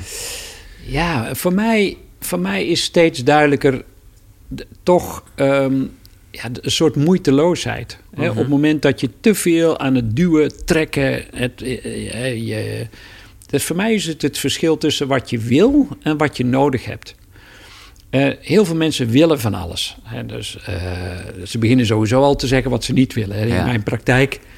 ja, ik zeg: Oké, welkom. Ga zitten. En dan krijg ik eerst een hele lijst van wat ze allemaal niet meer nou ja. Dan zeg ik, oké, dat is interessant. Maar laten we nou eens beginnen met dat wat je wel wil. Want ja, in mijn overtuiging, het universum steunt je altijd, ook in wat je niet wil. Ja. Dus uh, daar krijg je alleen maar meer van. Ja, al moet ik zeggen, want ik snap wat je zegt hoor. En ik denk ook dat het goed is om daar natuurlijk op te focussen. Maar de bekende vergelijking met beeldhouden. Uh, dus waarbij je juist weghaalt wat je niet wil. Soms kan dat ook even, omdat er natuurlijk heel veel mensen zijn die niet weten wat ze willen. Ja. Maar wel weten wat ze niet willen, is op zijn minst een begin, toch? Ja, ja. Maar dan de volgende stap. Is dat wat je wil of niet meer wil, is dat wat je nodig hebt? En we hebben in feite niet zo heel erg veel nodig. Nee. En, Nee, en, en dat vergeten mensen vaak. Weet je, als, je, als we gaan kijken naar de mate waarin je jezelf in leven houdt, dan het eerste wat je nodig hebt is zuurstof. Tweede wat je nodig hebt is voldoende water. Derde wat je nodig hebt is voldoende slaap. Hè, om met name weer opgeladen te worden en, en je indrukken te verwerken. Je hebt volwaardige voeding nodig. Je hebt een dak boven je hoofd, heb je nodig. Je hebt goede vrienden nodig die jou steunen. En je hebt inspiratie nodig of, en creativiteit. Dat is alles. Dat is het leven. God, eh, het is allemaal niet zo moeilijk. Nee, nee maar we maken het verrekte moeilijk, Ja, weet je. nee. Want, want ja, heb je dan die tweede auto of, of Nee. dat, die, dat, die flatscreen, heb je die nog nodig? Eh, ja, waarschijnlijk niet. Je wil hem hebben, maar dat weet je ook vanuit geluk. Dat is dan weer zo'n extern dingetje. En dan, dat, dat heb je dan drie weken en dan ben je eraan gewend en je kunt er niet meer van genieten. Dus, dus wat heb je echt nodig? En dan, als je dat gaat realiseren, het, het willen, daar zit vaak de kramp bij mensen. Mhm. Of het niet meer willen. Ja.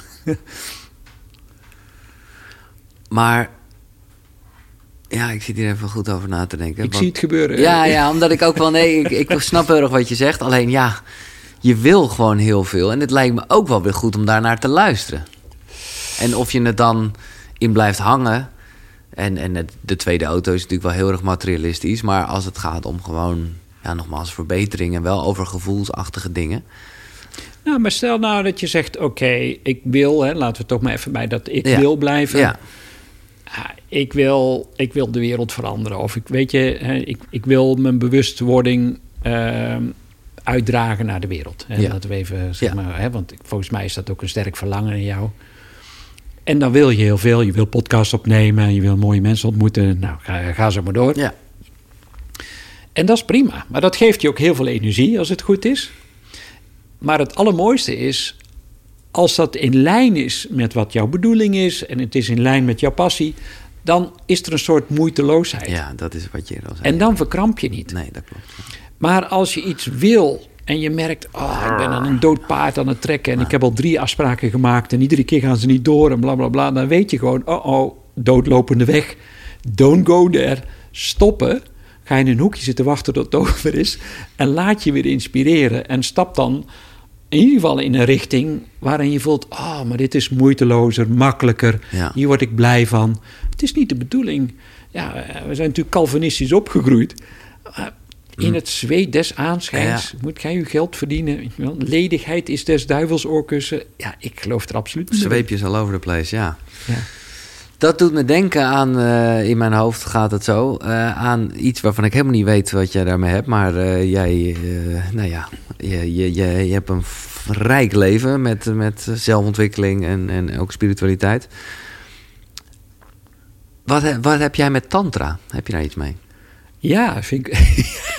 ja, nee, maar juist omdat ik moet eraan Ja. denken door die moeiteloosheid. En Ja. ik, ik, Gooi er maar eens in. ja. Nee, ja. omdat ik gewoon zelf toch nog altijd merk dat, dat ja, seks en verkramping heel erg. En ik wil Tantra niet gelijk op de sekshoop gooien, maar eh, Ja. ja. goed, dat is een onderdeel daarvan. Ja, En, en daar zit dus juist, ja, hoe snel je toch wel niet in verkramping eh, en, en een streven naar een doel en bla bla bla.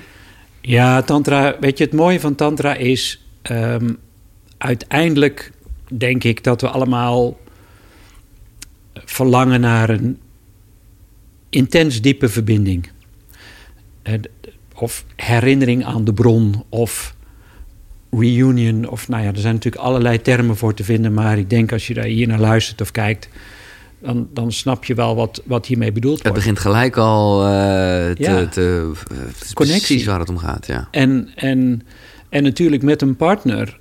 ehm, ja, dat, dat, dat is natuurlijk de mooiste vorm om binnen de menselijke vorm die connectie terug te kunnen vinden of die, die te kunnen ervaren. Met name op het gebied van seksualiteit.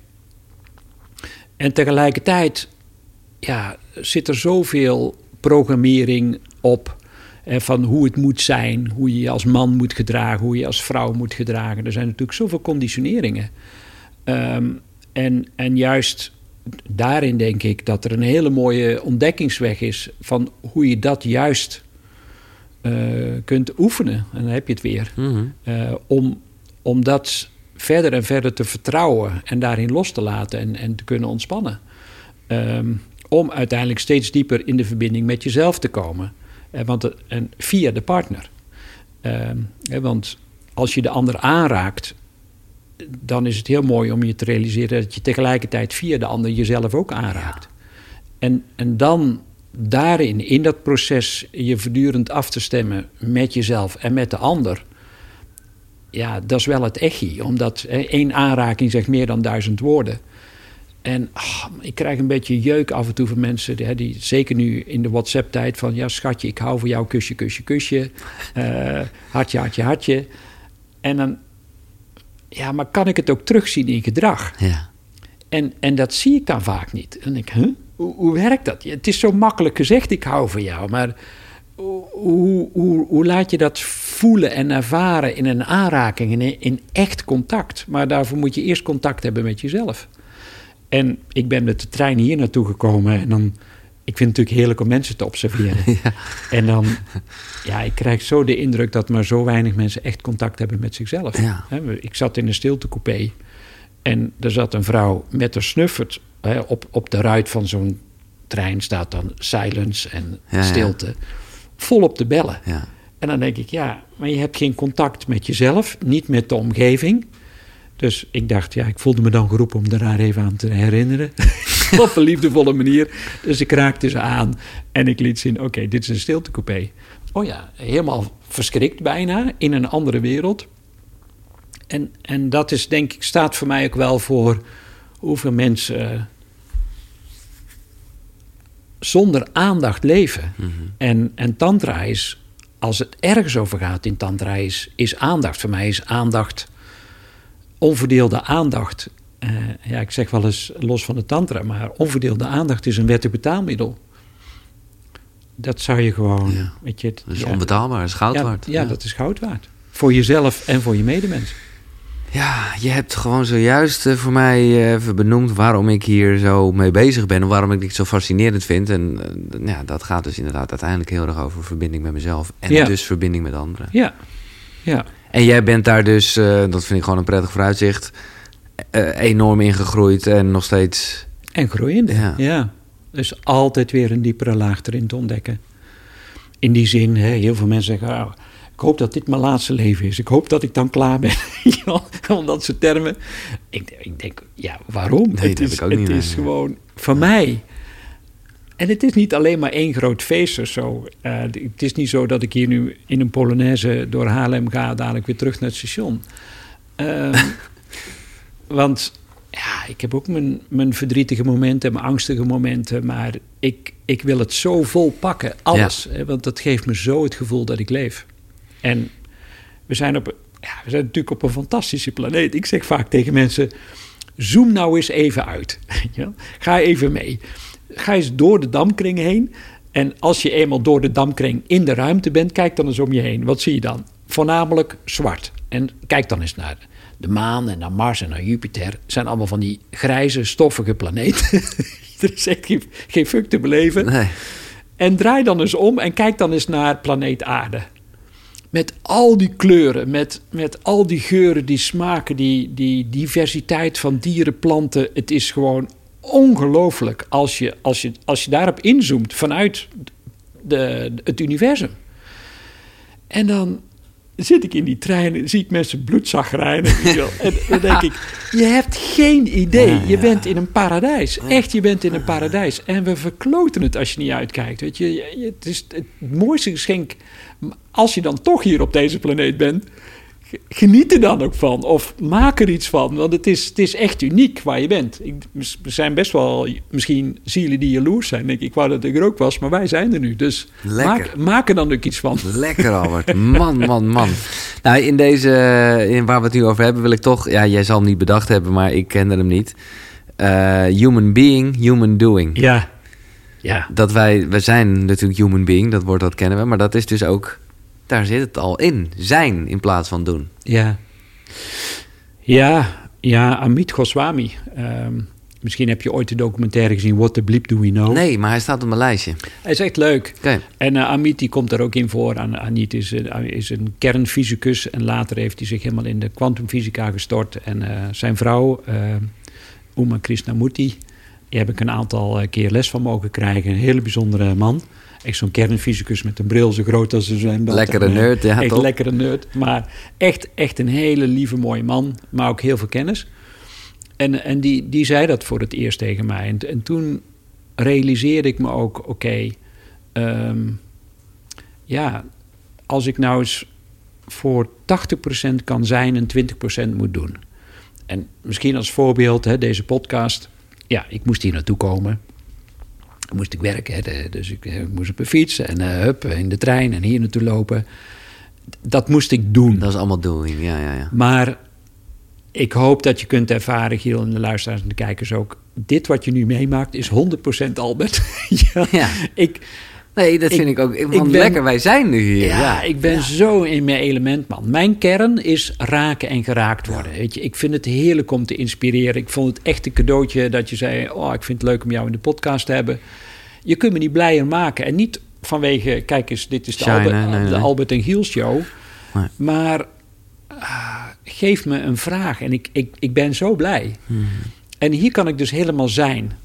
Ik, ik kan mijn kennis delen. Ik, ik, ik, ik, ja, ik, ik hoop dat ik mensen op een of andere manier kan inspireren.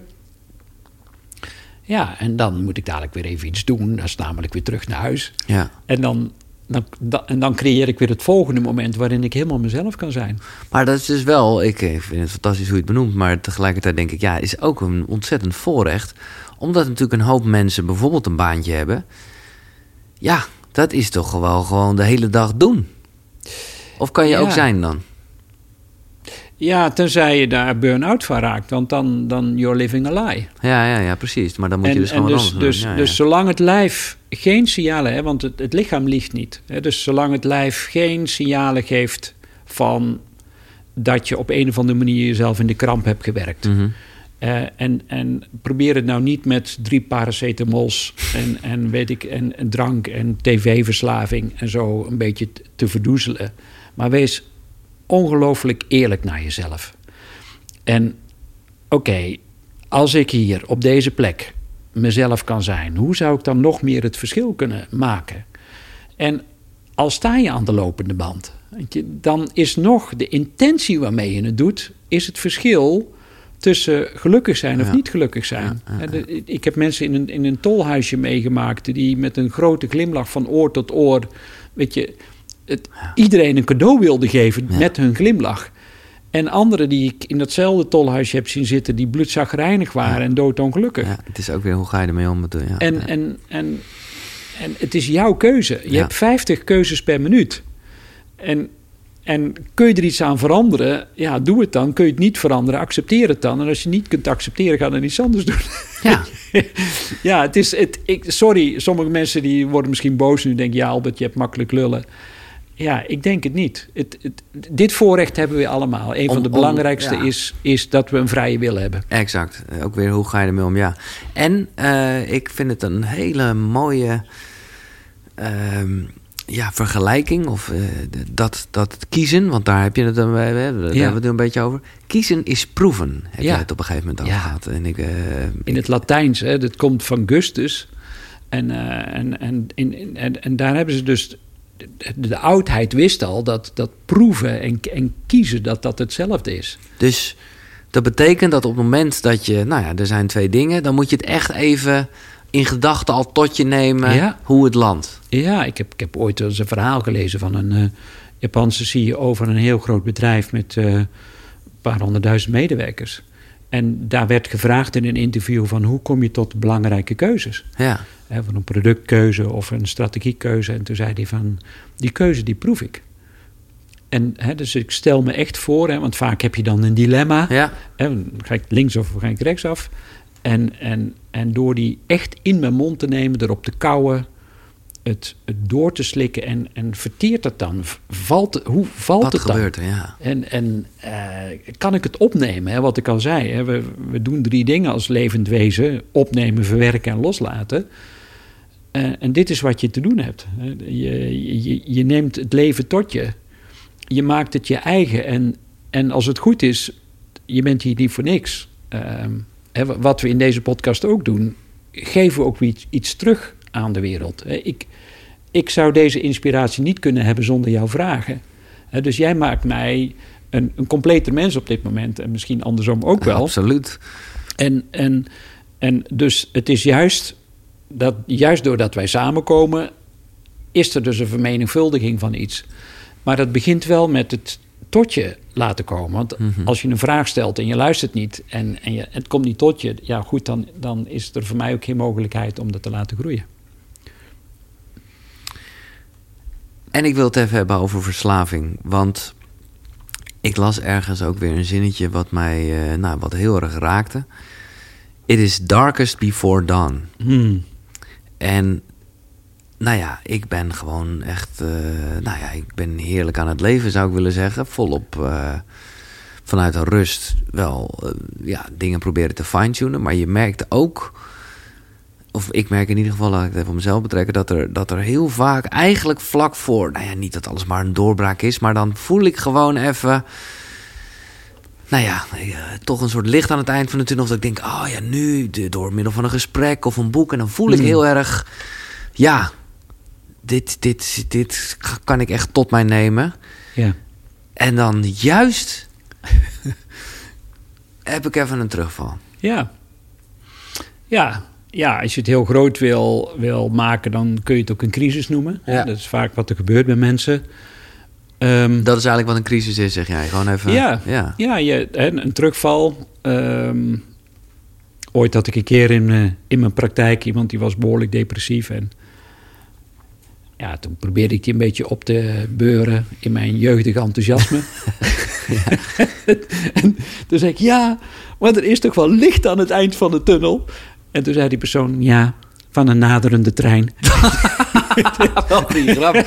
Wel gevoel voor humor in en, uh, ik denk, oké, ik geef me over, weet je wel. Ik, uh... Nee, maar... Um, ja, voor mij een van de belangrijkste dingen... waarom dat we hier op deze planeet zijn... is, is groei, groei en bewustwording. Mm dus... dus um, ja. En ja, de meeste groei en de meeste bewustwording... zit altijd op de grens van je comfortzone. He, want maar als alles van een leien dakje gaat ja, dan voel je ook nooit zo uitgenodigd om steeds maar die grens op te zoeken. Maar wanneer het tegen zit of je hebt jezelf weer eens vastgedraaid, ja, dan kom je op die grens terecht. Maar ja, we zijn op een bepaalde manier ook geconditioneerd. Dus je wil niet zo makkelijk je oude patronen loslaten, want je weet nog niet wat je ervoor nee, terugkrijgt. dus, en dan geeft het leven je meestal wel een zetje in een bepaalde richting. dus je wordt nog een keer met je neus op de feiten gedrukt, lichamelijk, psychisch, emotioneel. En, en, en dat schuurt, dat is rauw, dat, hè, dat kennen we allemaal. Uh, zonder wrijving, geen glans, ja, al, die, al die termen. Ja. Maar um, if it doesn't destroy you, it makes you stronger. En dat verwijst allemaal naar hetzelfde. Dus, dus weet dat je die, die grens nodig hebt. En dan gaat het erover, ben je moedig? En moedig, ah, zo'n mooi woord in het Engels, courage. En dat komt van courage. Hè. En dat heeft alles met keur, het hart te maken. Ja, ja, ja.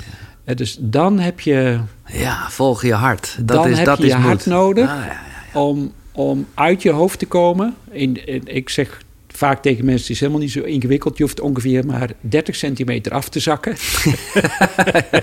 ja. dus van, je, hoofd naar... Van je hoofd naar je hart. En je hart weet het. Je hart weet diep van binnen... Ja, je komt mensen tegen en dan heb je, heeft je hart al lang gezegd... pluis, niet pluis. Maar je hoofd gaat er dan weer een ding van maken. Ja, maar laat ik het toch maar proberen. Maar je hart wist het al lang. En, en er is moed voor nodig om je hart weer te volgen. Weer terug te gaan naar je oorspronkelijke richting. Trouw te blijven aan je hart. Dus, dus ja, nee, maar dat is wel waar. Nog eventjes over het thema verslaving. Ja, dat zit altijd in je hoofd, dat zit niet in je hart, nee. Ja, verslaving is wel een lastig ding, omdat... Ja. Ehm, wat ik vaak zie bij verslaving, daar zit veel trauma onder vaak. En wat ik al zei, we, allemaal in ons leven lopen we deuken op. groot, klein. Ja. We krijgen allemaal te maken met verlies, omdat het leven nu eenmaal vergankelijk is. Ja. Niets blijft hetzelfde. hè. Het enige constant is dat alles verandert. En ja, in die vergankelijkheid, ja, daar, daar maak je dingen mee die pijn doen. Eh, emotioneel loop je eh kwetsures op en heb je het lef om die pijn aan te gaan. En, en als, dat, als je het niet wil, of als je het niet kan, of dat je het niet durft. Hè, want ik, ik noem maar iets, je bent een moeder en je hebt een jong gezin en je man verongelukt op weg naar huis. Ja, dan heb je wel voor je gezin te zorgen. En dan is er misschien niet altijd ruimte om ook Nee, dan is het logisch die- dat je in je overlevingsmodus staat. Ja, Ja, ja, En, maar vroeg of laat komt er een moment dat je daarmee aan de bak moet. En je lijf gaat er steeds meer om vragen, wat ik al zei. En gemiddeld heb je een rek van anderhalf tot twee jaar. En dan zegt je lijf: Oké, maar nu hou ik niet langer meer vol. Nu zul je het aan moeten kijken. En als je het dan nog niet wil, kan of durft, ja, dan probeer je dat vaak te verdoven. En ja, ik, mijn verslaving was een werkverslaving. Dus Ja. ik ben steeds harder gaan werken. De ander die grijpt naar de alcohol. De ander die zit tv te kijken. Sportverslaving kan ook. Weet Ja. je, wel. je kunt jezelf op allerlei manieren Alles. voor de gek houden. Ja. Ehm, maar uiteindelijk, je lijf is altijd slimmer en sterker. Dus dat moet je wel. Maar is het dan zo, makkelijker gezegd dan gedaan hoor, maar dat je dan dus eerst eigenlijk het onderliggende probleem moet fixen? Ja, In plaats van, want dan, dan is de verslaving aan zich, zou je kunnen zeggen, is een soort symptoom eigenlijk. ja. ja maar dat is altijd. Mensen die bij mij in de praktijk komen, het probleem wat ze hebben, is nooit waar ze in werkelijkheid last van hebben. Nee. Nooit. Nee, maar ik vind het wel grappig. Ik weet niet of je, of je veel doet met verslaving en zo, maar een hoop, heb ik de indruk, gaan toch wel juist heel erg over die verslaving. Ja, En, en, en ja voor mij is dat kansloos. ja, oké, duidelijk. Ja, omdat hetzelfde geldt. Mensen burn-out zeggen, ja, ik heb burn-out. Ik zeg, ja, dat boeit me, dat boeit me helemaal niet. Want ja, uiteindelijk is, is de burn-out het symptoom. Nou ja, want ja, ja. misschien vind je het moeilijk om je grens aan te geven. Of vind je het moeilijk om hulp te vragen. Of vind je het moeilijk om prioriteiten te stellen. Of vind je het moeilijk om jezelf op de eerste plek te zetten. En het gevolg is een burn-out. Ja, En, en, als je, en dat moet je dus leren. Leren om hulp te vragen bijvoorbeeld. Of leren om jezelf te begrenzen. En dat vind je het allermoeilijkste. Want misschien wil je iedereen wel te vriend houden. Nou, succes. maar het is natuurlijk niet zo dat je die dingen echt bewust weet. Hè? Dus je weet niet dat je het moeilijk, dat je het moeite. Hè? De- Nee, nee, nee. Maar dat, Kijk, in het geval van het ongeluk, eh, wat jij net schetst, dan weet je heel erg van dit is gebeurd. Maar Ja. heel vaak van die trauma's heb je geen idee dat het een trauma is. nee, nee, dus hoe. niet eh, maar goed, dat is de essentie, denk ik, van wat jij doet. Maar dat ben ik toch benieuwd of je daar eh, een tipje van de sluier kan geven. Hoe ga je. Hoe kom je erachter wat je trauma is? Wat, waar, waar, wat, wat echt het probleem is in plaats van. de de Ja, nou ja, het, be- het begint dus met eh, op een gegeven moment zien dat de klachten die je hebt, dat die niet zomaar uit de lucht Dat komen vallen. komen. Ja, dat niet ons lieve heer op een wolk zit zegt, achter hebben meneer Belen, weet je wat, die gaan we eens, dat is een mooi migrainegevalletje. Ja, en mevrouw Jansen, die geven eens reuma. nee, Nee, dus, dus, dat komt dus, ergens vandaan. er is natuurlijk Ja. een duidelijke relatie. Nou, als je bereid bent om daar naar te kijken en dat niet onder te stoppen of weg te moffelen. Nou, dan komt de volgende stap. Zeg, oké, eigenlijk heel simpel. Wanneer voelde je je nog goed?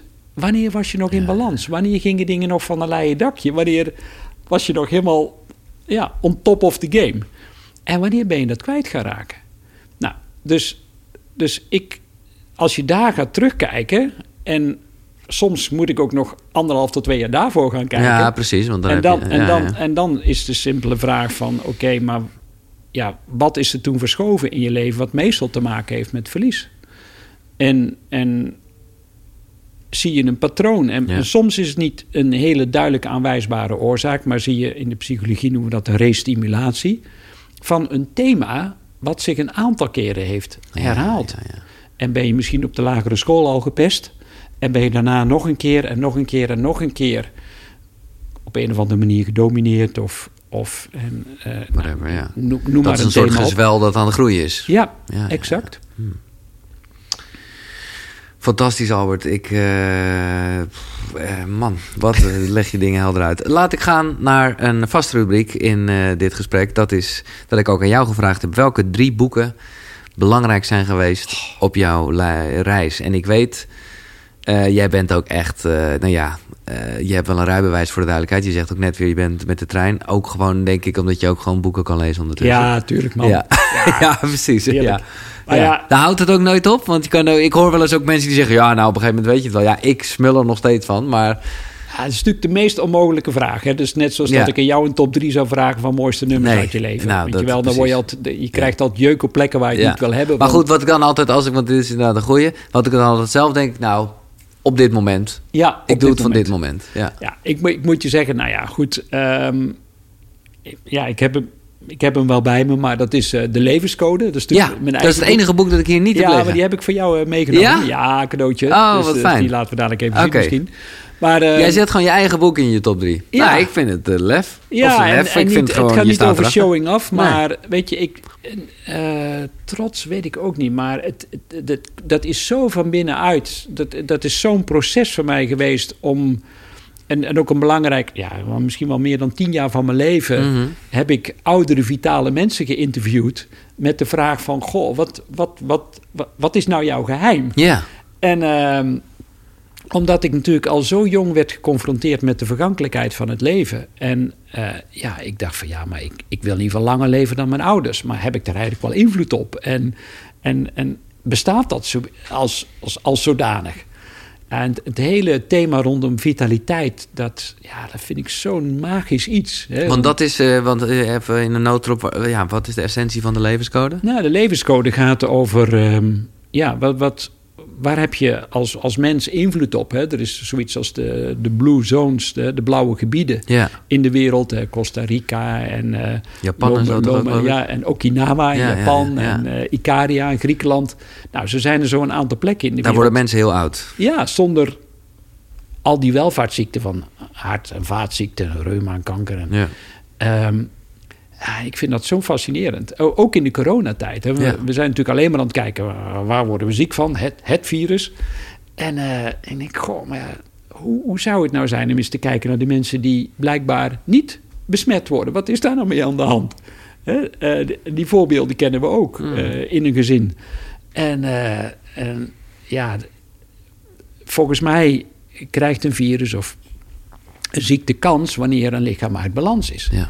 En eh, daar zijn we mee begonnen in deze podcast. En, en wat kun je doen om jezelf op, op al die gebieden in je leven in evenwicht te houden? En daar heb ik, ja, daar heb ik iets in ontdekt. Eh, een, een soort met, wetmatigheid, daarmee ook de levenscode. Ehm, ja, wa- wat het allerbelangrijkste is. En dat het is heel goed om een groene smoothie te eten. Maar en, eh, bij wijze van spreken, voeding is heel belangrijk. Maar het allerbelangrijkste, de basis van de piramide, blijkt bezieling, passie en enthousiasme te zijn. ja, ja. Dus even los van voeding, beweging, slaap en wel Ja, een soort eh, essentials. Ja, dat zijn de, de, de meetbare factoren. Ja. Maar die bepalend zijn voor een hogere levensverwachting, zijn vooral de niet meetbare factoren, de subjectieve factoren. En dat heeft met een positieve mindset te maken. Ja. De invloed van de, de mensen om je heen, hè, dus de, de peer group, hè, de, de- waar, waarin je je gesteund voelt. En het allerbelangrijkste is inderdaad eh, ja, je bezieling, je Ja. passie. De levenscode Ja. van Albert Sonneveld. Hij eh, staat in eh, de boekenkast. Eh, heb je ook, het zijn de andere twee boeken ook van jezelf? Nee, nee, want ik zie ze liggen. Nee, wat ik, wat ik eh, ja, ik heb eh Roosvonk. Oh Eh, ja. ja, vind ik echt ook wel... ja, wel, zo, ik, ik ga hem daar een keer uitnodigen. goed, eigenlijk. goed verhelderend Ja. boek. En dat is Je bent wat je doet. Eh, van zelfkennis naar gedragsverandering. Je bent wat je doet. Ja, en eh, ja, dat vind ik wel het, het mooie. De, eh, Roos Vonk is, is hoogleraar ook. Ja. Ehm, en ehm, wat, wat ik het, het mooie vind is, is misschien ook een beetje wat ik vertelde net met, met die, eh, die sms'jes aan je geliefde. Mhm. Ik hou van jou, hartje, hartje, hartje. Maar doe je het ook? Ja. Leef je het ook Ja. in gedrag? Ja. En, en dat legt zij op een hele heldere manier uit. Dat het, ja, je kunt nog zoveel denken en, en, en al die denkprocessen beschrijven en onderzoeken. Maar hoe, hoe laat je ook werkelijk zien in gedrag? Hè? de Human being, human doing. ja. Maar breng je het ook echt in de praktijk? Handel je er ook naar, ja. Ja, ja, dus dat is... eh, Nou ja, leuk. Je, je bent wat je doet. Ja. Van- En ehm, ja, dit, dit is ook wel een soort bijbel van me. Dat is van Oriah Mountain Dreamer. En ehm, reis naar het binnenste van de ziel. Hij ziet er ook helemaal vergeeld uit. Ja, joh. hij is Of, wel eh, super verkeeld. Ja, Ja, dat ja. vind ik mooi. Ja, Maar rei- ik ken het boek echt niet. Reis naar het binnenste van de ziel. ja. En ehm, het is... Het, het, ze begint met een gedicht en dat gedicht is zo ongelooflijk treffend... omdat het een uitnodiging is om onder alle omstandigheden... ehm, echt onder alle omstandigheden... je leven vol, vol, vol te pakken. En ehm, Mag ik hem voorlezen? ja, de Of wil je invitation- hem voorlezen? Nee, nee, nee. Ja, het, ik, De uitdaging, dat is hem, hè? Ja, de uitdaging. Als je die, ja, Oké. go for it. Het interesseert me niet wat voor werk je hebt. Ik wil weten wat je verlangen zijn en of je durft te dromen over dat waar je in je hart naar hunkert. Het interesseert me niet hoe oud je bent. Ik wil weten of je het aandurft naar liefde te zoeken, je droom na te streven, het avontuur van het leven aan te gaan. Het interesseert me niet welke planeten je maan kruisen. Ik wil weten of je tot de kern van je eigen verdriet bent doorgedrongen. Of je ontvankelijker bent geworden door het verraad van het leven. Of dat je je hebt teruggetrokken en afgesloten uit angst voor nog meer pijn. Ik wil weten of je de pijn kunt ervaren, de mijne of die van jezelf, zonder het te verbergen, te verdoezelen of vast te houden. Ik wil weten of je met vreugde kunt omgaan, de mijne of die van jezelf. Of je kunt dansen vanuit zinnigheid en de verrukking tot in je vingertop en tenen kunt voelen tintelen, zonder ons te waarschuwen voorzichtig te zijn, realistisch te zijn, rekening te houden met de beperkingen die je als mens hebt. Het interesseert me niet of het verhaal dat je me vertelt waar is. Ik wil weten of je een ander kunt teleurstellen om eerlijk tegenover jezelf te zijn. Of je de beschuldiging van verraad kunt verdragen zonder je eigen ziel te verraden. Of je trouweloos kunt zijn en daarom betrouwbaar. Ik wil weten of je schoonheid kunt zien, zelfs wanneer het niet mooi is. Iedere dag. En of je je eigen leven door de aanwezigheid ervan kunt verrijken. Ik wil weten of je mislukking kunt aanvaarden, die van jezelf en de mijne. En toch aan de rand van het meer kunt staan en ja roepen naar de zilveren volle maan. Het interesseert me niet te weten waar je woont of hoeveel geld je hebt. Ik wil weten of je kunt opstaan na een nacht van verdriet en wanhoop, vermoeid en gekwetst tot op het bot, en kunt doen wat gedaan moet worden om de kinderen eten te geven. Het interesseert me niet wie je kent of hoe je tot hier bent gekomen. Ik wil weten of je met mij midden in het vuur wilt gaan staan en niet terug zult deinzen. Het interesseert me niet waar of wat of met wie je hebt gestudeerd. Ik wil weten wat jou staande houdt van binnenuit wanneer al het andere wegvalt. Ik wil weten of je alleen met jezelf kunt zijn. En of je die op een- eenzame momenten werkelijk van je eigen ge- gezelschap geniet. Zo, Ja, hè? Ja. mooi. Fucking mooi, hè? Ja. Sorry voor dit taalgebruik. Ik weet dat mensen er aan zouden nemen. Erg mooi. en met name dan, dit was sowieso al een beeld op, maar het einde. Ik wil weten of je alleen met jezelf kunt zijn. En of je op die eenzame momenten werkelijk van je eigen gezelschap geniet. Ja, dat is ook weer verbinding met jezelf. Ja. Ja. En zelf is dan voor mij met de hoofdletter Z. Ja. Ja. Ja, dit is leuk. Ik onderbreek even het gesprek, maar eh, alle boeken die je net gehoord hebt, die zijn terug te vinden natuurlijk op de site koekeroe.nl slash boekenkast. Maar ik heb een extraatje, want daar vind je ook een link naar een aanbieding van Nextory, waarmee je alle boeken 50 dagen gratis kan lezen en luisteren. En dan hebben we het niet alleen over deze drie boeken, nee, er staan daar 300.000 luisterboeken en e-books. Dus ga naar koekeroe.nl slash boekenkast om 50 dagen lang gratis Nextory te gebruiken. Top toch? Thanks. Oké, precies. Eigenlijk hebben we het eh, helemaal niet zo, dat hoeft ook niet, maar eh, helemaal niet zo spiritueel nog eh, benaderd, het leven. Wat het natuurlijk wel is, en ik weet dat jij er ook wel zo in staat, maar leg even uit, Albert. hoe werkt het allemaal? Nee, maar nee, hoe zie je dat? Dat, dat wat? Nou ja, je zegt zelf met een hoofdletter en daarmee voel ik al een connectie met Ja. iets dat groter is. Ja. Ik, eh, ja. Oh, ja hoe, het- het- goh, ga er maar weer eens woorden aan geven. Ja. Dankjewel, man. Ehm, volgens mij, tenminste als ik in mijn eigen leven kijk... er zijn, er zijn momenten dat ik merk... eh, dat ik het zelf moet doen, maar dat ik het niet alleen hoef te doen of zo. Ja. En, en dat er iets is wat veel groter is dan, dan dat ik ben... wat, wat met ongelooflijk veel liefde eh, me steunt, onvoorwaardelijk. En dat, eh, ja, dat, dat krijg ik bijna dagelijks bevestigd in de vorm van synchroniciteit. Hè, hoe, hoe wij elkaar ontmoet hebben, Ja. bijvoorbeeld. En de weg hier naartoe. Ja, dat wel, is inderdaad waar, ja. Echt, dat is zo waanzinnig. Dat met we, allemaal momenten. En dan was je weer ergens waar ik net was geweest. En met Marjolein Loderich, die hier eh, ook eh, Ja. net te gast was. En dan was jij daar weer, terwijl ik je... Die, nou, dat was en, inderdaad... en dan stonden we weer eh, sa- samen in het boek van Hidde. En Ja, ja, allemaal toem, toem, toem, toem. in een, klopt. en dan Hele korte tijd. in een hele korte tijd, terwijl we dat van tevoren niet hadden. Nee, Want anders kun je nou zeggen, ja, dat is, eh, in de psychologie noemen ze dat dan selectieve perceptie. Je gaat het zien omdat je weet dat. Ja, Ja, dat is het rode autootje. maar dat, Nee. dat was allemaal niet. En dan, Nee, oh man, dat, ik, dan kan ik zo'n diepe buiging maken voor het leven. Ja. Omdat ik dan steeds beter ga voelen wat de bedoeling is. En weer hè, wat dan met vertrouwen te maken heeft. Oké, als ik me er dan niet mee bemoei en met die stroom meega, dan ga ik me steeds gelukkiger voelen. En het is echt zo, man. Ik, ik maak me steeds minder druk. Ik voel een overvloed aan alle kanten. En, en dat komt omdat ik zelf steeds meer uit de weg ga staan. En ik weet het niet. Ik heb geen planning. Eh, ik doe vooral wat ik leuk vind, waar ik gepassioneerd over ben. En ik krijg het met bakken op me, op me eh, toegeworpen. Ja, sommige mensen zeggen, ja Albert, je hebt er hard voor gewerkt. Ja, ik denk nu, stel je nou eens voor dat ik er niet hard Nee, had dat hebben we niet had nodig ik- geweest. Had ik, Maar goed. nog, had ik nog veel meer gehaald. Want ik heb veel hard gewerkt vanuit angst. Ja, ja, ja. En nu doe ik veel meer vanuit vertrouwen. En ik weet niet waar het vandaan komt, maar het, het leven is me echt genadig. En dan heb ik wel zoiets van: oké, ik begin iets meer van die wetten te snappen. ja. En ja, geluk kun je dat afdwingen. Nee, ik denk dat geluk er altijd is. ja. Maar goed, je bent wat je doet en je bent ook wat je gedaan hebt. Dus Ja, zeker. En, Ja. En, maar wat ik nu vooral doe, is, is mijn hart meer volgen. ja. En, ehm, en, en reageer op datgene wat, me, wat, wat goed voor me voelt. Wat een ander ook zegt, of wat een ander eh, misschien aan goed bedoelde adviezen en tips voor me heeft. Zeg ik, ja, leuk, leuk dat het voor jou geldt, maar ik, ik loop mijn eigen pad. En het pad ontvouwt zich voor me.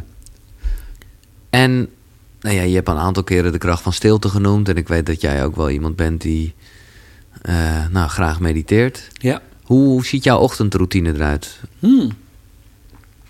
Ehm, S'morgens blijf ik eerst even liggen om eh, de dromen die, eh, die zich hebben aangediend in die nacht, om daar nog eventjes op, op te, ja, te reflecteren.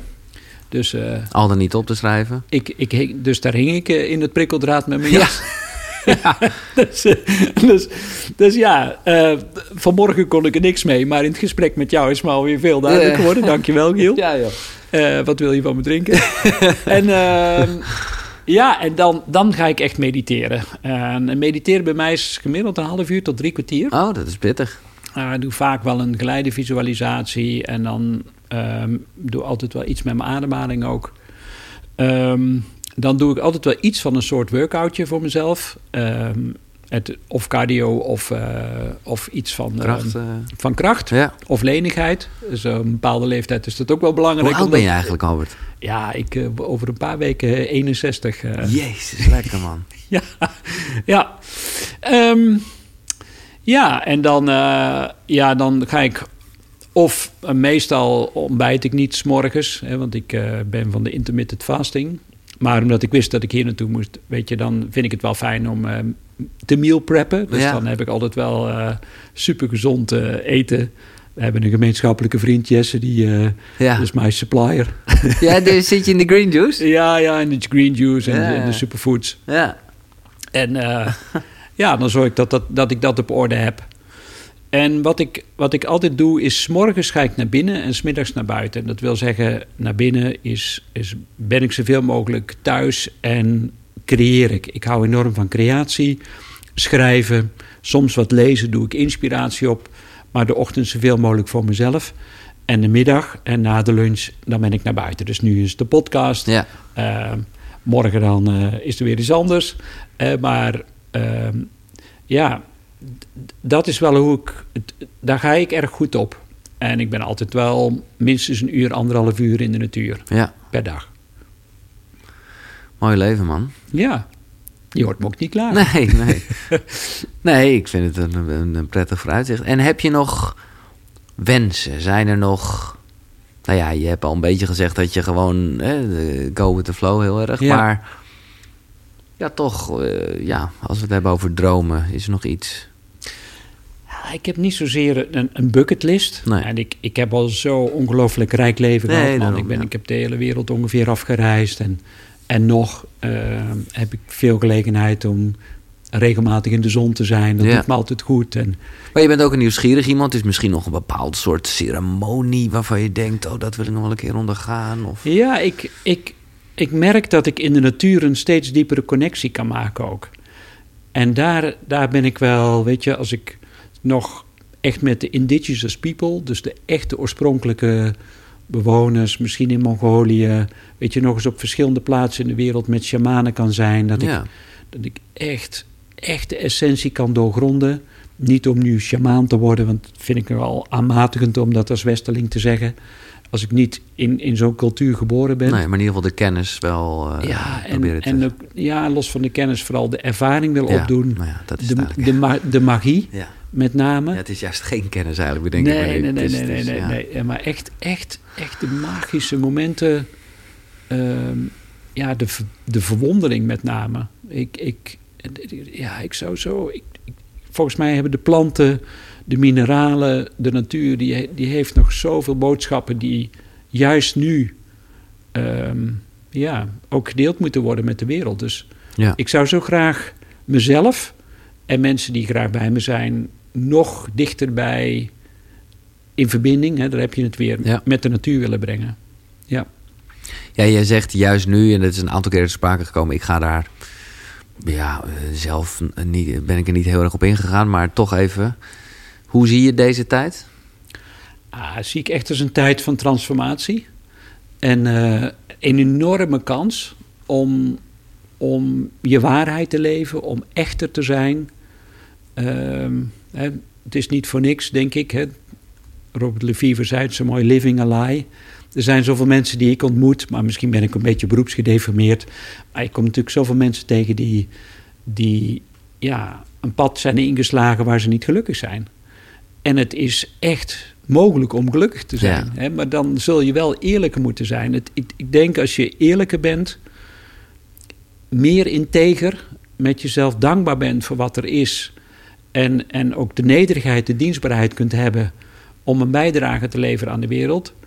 Ja, dan wordt je eigen wereld mooier en daarmee ook de buitenwereld. En de mensen om je heen. Maar, maar dat begint met jou. Ja. En het begint bij mezelf. En jij zegt, dit is een mooi moment om daar... eh, Ja. ja. Hè, want de coronatijd, denk ik, als het iets aan het licht komt, is alle dingen die niet kloppen. Bij jezelf, binnen bedrijven, binnen systemen.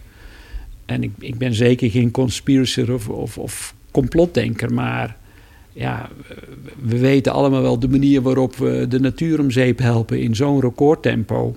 Er zijn genoeg documentaires voorbijgekomen dat iedereen weet diep van binnen: oké, het, het is nu wel een belangrijke tijd om in te grijpen hè, voor onszelf en voor onze kinderen.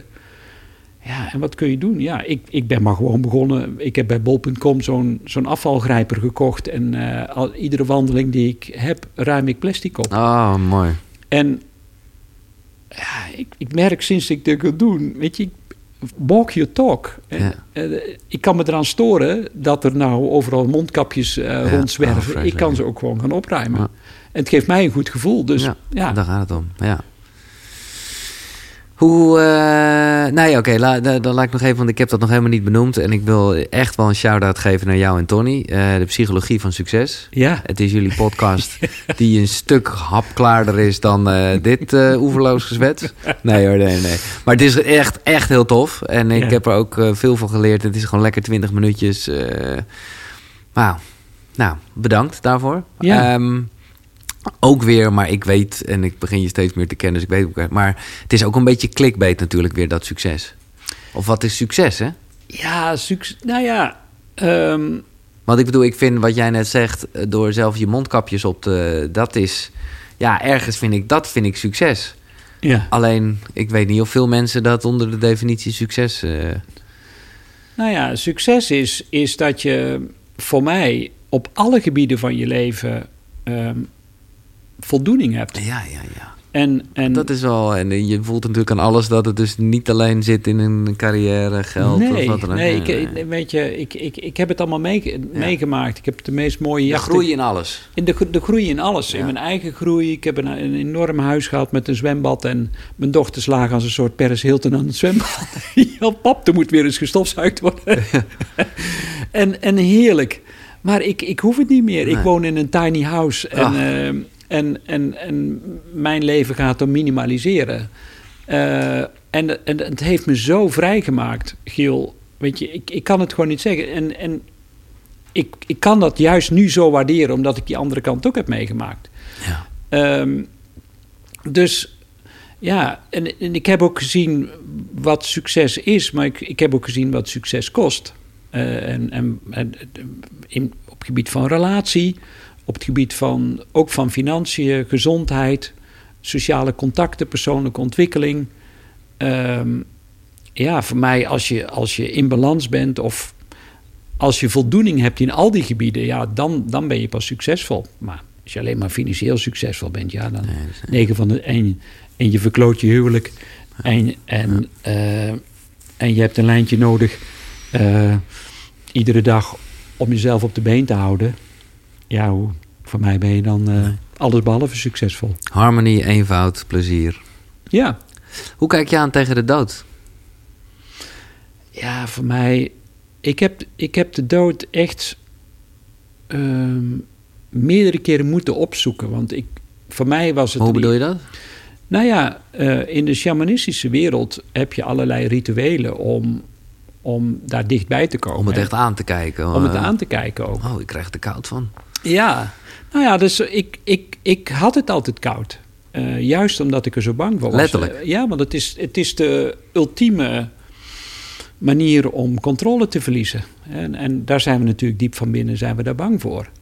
En ik ook. En maar ja, ik wist niet of ik nou bang was om dood te gaan of bang was om echt te leven. En, en zo, zo haalde ik ook adem, weet je.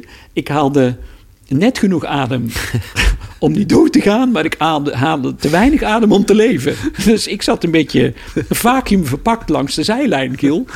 En, en, en, ik dacht, ah, oh, ja, ik, oh, ik, wil, ik wil het vol pakken. Hmm. Uh, maar dat heeft best een tijd geduurd. En um, ik denk, ja, dan ga ik het nog meer opzoeken. Hè? Dus, en opzoeken betekent uit vliegtuigen springen, weliswaar met een parachute. Ja, ja, maar dat is het. Maar, ja. maar zo op die, op die rand. Hè? Ja. En, en in het shamanisme door uh, bijvoorbeeld met Cambo. Hè? Dat is, ja. gif, gif van een, oh, am, am. Amazonekikker.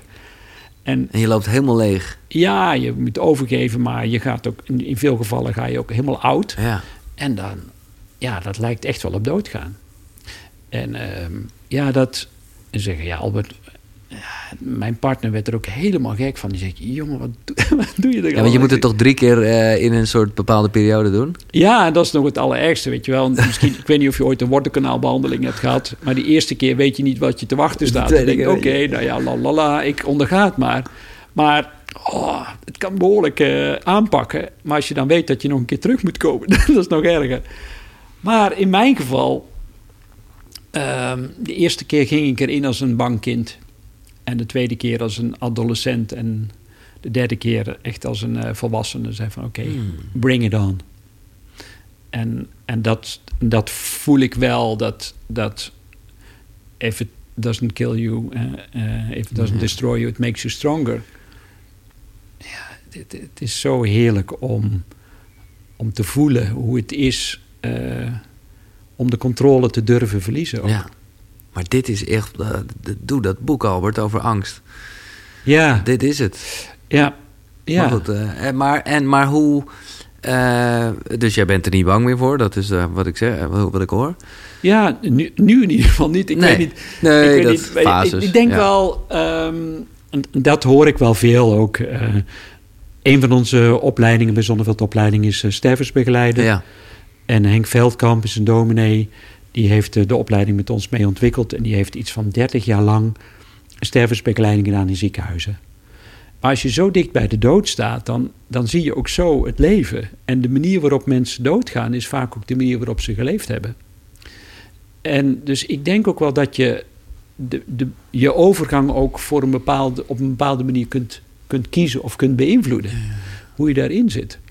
Ehm, in ieder geval niet door het te negeren, laat ik het dan zo zeggen. En, en bereid zijn om nu al alles los te laten. En, en dat heb ik geleerd van mijn oudste dochter, Hanneke. Hanneke woont in Peru uh, al tien jaar, uh, eh, 10.000 kilometer verderop. Uh, en de, wij hebben het daarover. Hè. Zij zegt ook: Ja, pap, als ik hier doodga, um, ja, dan. Het is de gewoonte dat we hier binnen een dag begraven worden. Dan zie je me nooit meer. Nou, Bam. Als je dat als ouder te horen krijgt, dan denk ik: shit, man, dit, ja, dit is echt zo. En dan moet ik, moet ik in ieder geval één ding zorgen: dat er niks tussen ons in zit. Uh, uh, waarvan ik later nog spijt heb. Ja. Of, en, The Five Regrets of the Dying. Hè, dat, zou ook een boek kunnen zijn die ik uh, in die top drie had gezet. Um, ja, waar heb je dan spijt van? Ja, dat zijn vooral van de dingen die je niet, hebt gedaan. ja. Dus, dus ik wil zoveel mogelijk ook nu naar jou, ook... ja, we gaan ervan uit dat we elkaar nog een keer zien. Ja, ja absoluut. maar aan de andere kant is er ook het ook iets, nu al goed zijn. Ja, ja, ja. Het moet nu goed zijn. Ik, er, hè, als er iets, iets is gebeurd tijdens deze opname... van, van denk ik, ja, shit, weet je, het zit me niet helemaal lekker... Dan, dan, dan wil ik dat uitgesproken hebben. Ik wil nergens een hypotheek hebben. Dus nee, nee, nee. ik hoop dat ik nog heel lang leef... dat ik niet heel lang van mijn kinderen en van mijn kleinkinderen geniet. Maar als het niet zo is, dat ik dan op een moment dat het zover is... kan zeggen, het is goed, want... Ja, ik heb er alles uitgehaald... Ja ik, er is niks wat ik gemist heb in die zin. Ja, dan, dan heb ik geleefd en dan is het gewoon klaar. Dan, dan is het genoeg. Nee, oké, maar eh, dan is het gewoon klaar. Wat, wat, uh, we weten het allemaal niet, maar gewoon hier een beetje op filosoferen. Wat... Oh ja. Oh nee, ja. Pff, nee. Wat denk je dan? Uh, dan? Dan laat ik deze stoffelijke hoedanigheid laat ik los. Maar, ja, ik, ik, maar dat is mijn overtuiging dat ik eeuwig leven. Ik ben er altijd geweest. Ja. En ik zal er ook altijd zijn. Alleen ik is dan niet Albert, nee, maar is dat wat altijd verder leeft. En uh, als dus Albert Sonneveld, ja, die is dan wel weg. Hmm. Hoe wil je herinnerd worden? Ja, dat is een mooie vraag. Um, ja, zo, zoals ik geleefd heb. Uh, iemand die heeft geraakt en, en, en, en zich liet raken. En uh, inspirerend vooral. Ja. Man, ik uh, wil je knuffelen, ga ik ook doen. Uh, maar ik ga eerst even afsluiten. Uh, dankjewel Albert voor je tijd. En laat dit zeker niet de laatste keer zijn. nee, want, beter dat jij het zegt dan de huisarts Ja. oh, Hebben het net over de dood ja, en zeggen laat dit niet de laatste keer zijn. Nee. Lekker vent ben jij. Heerlijk. check de podcast, de, de, de boeken. Fijn, de linkjes komen allemaal in de beschrijving. En die vind je natuurlijk ook op de website. Dat is... Komt-ie Wim. Koekeroe. Precies. K-U-K-U-R-U.nl. Dus koekeroe.nl. Daar waar je ook alle andere afleveringen kan zien of beluisteren. Wat je wil. Abonneer, deel, doe iets met je leven. Maak er een mooie dag van. Graag tot de volgende. Zonnegroet. Hoi.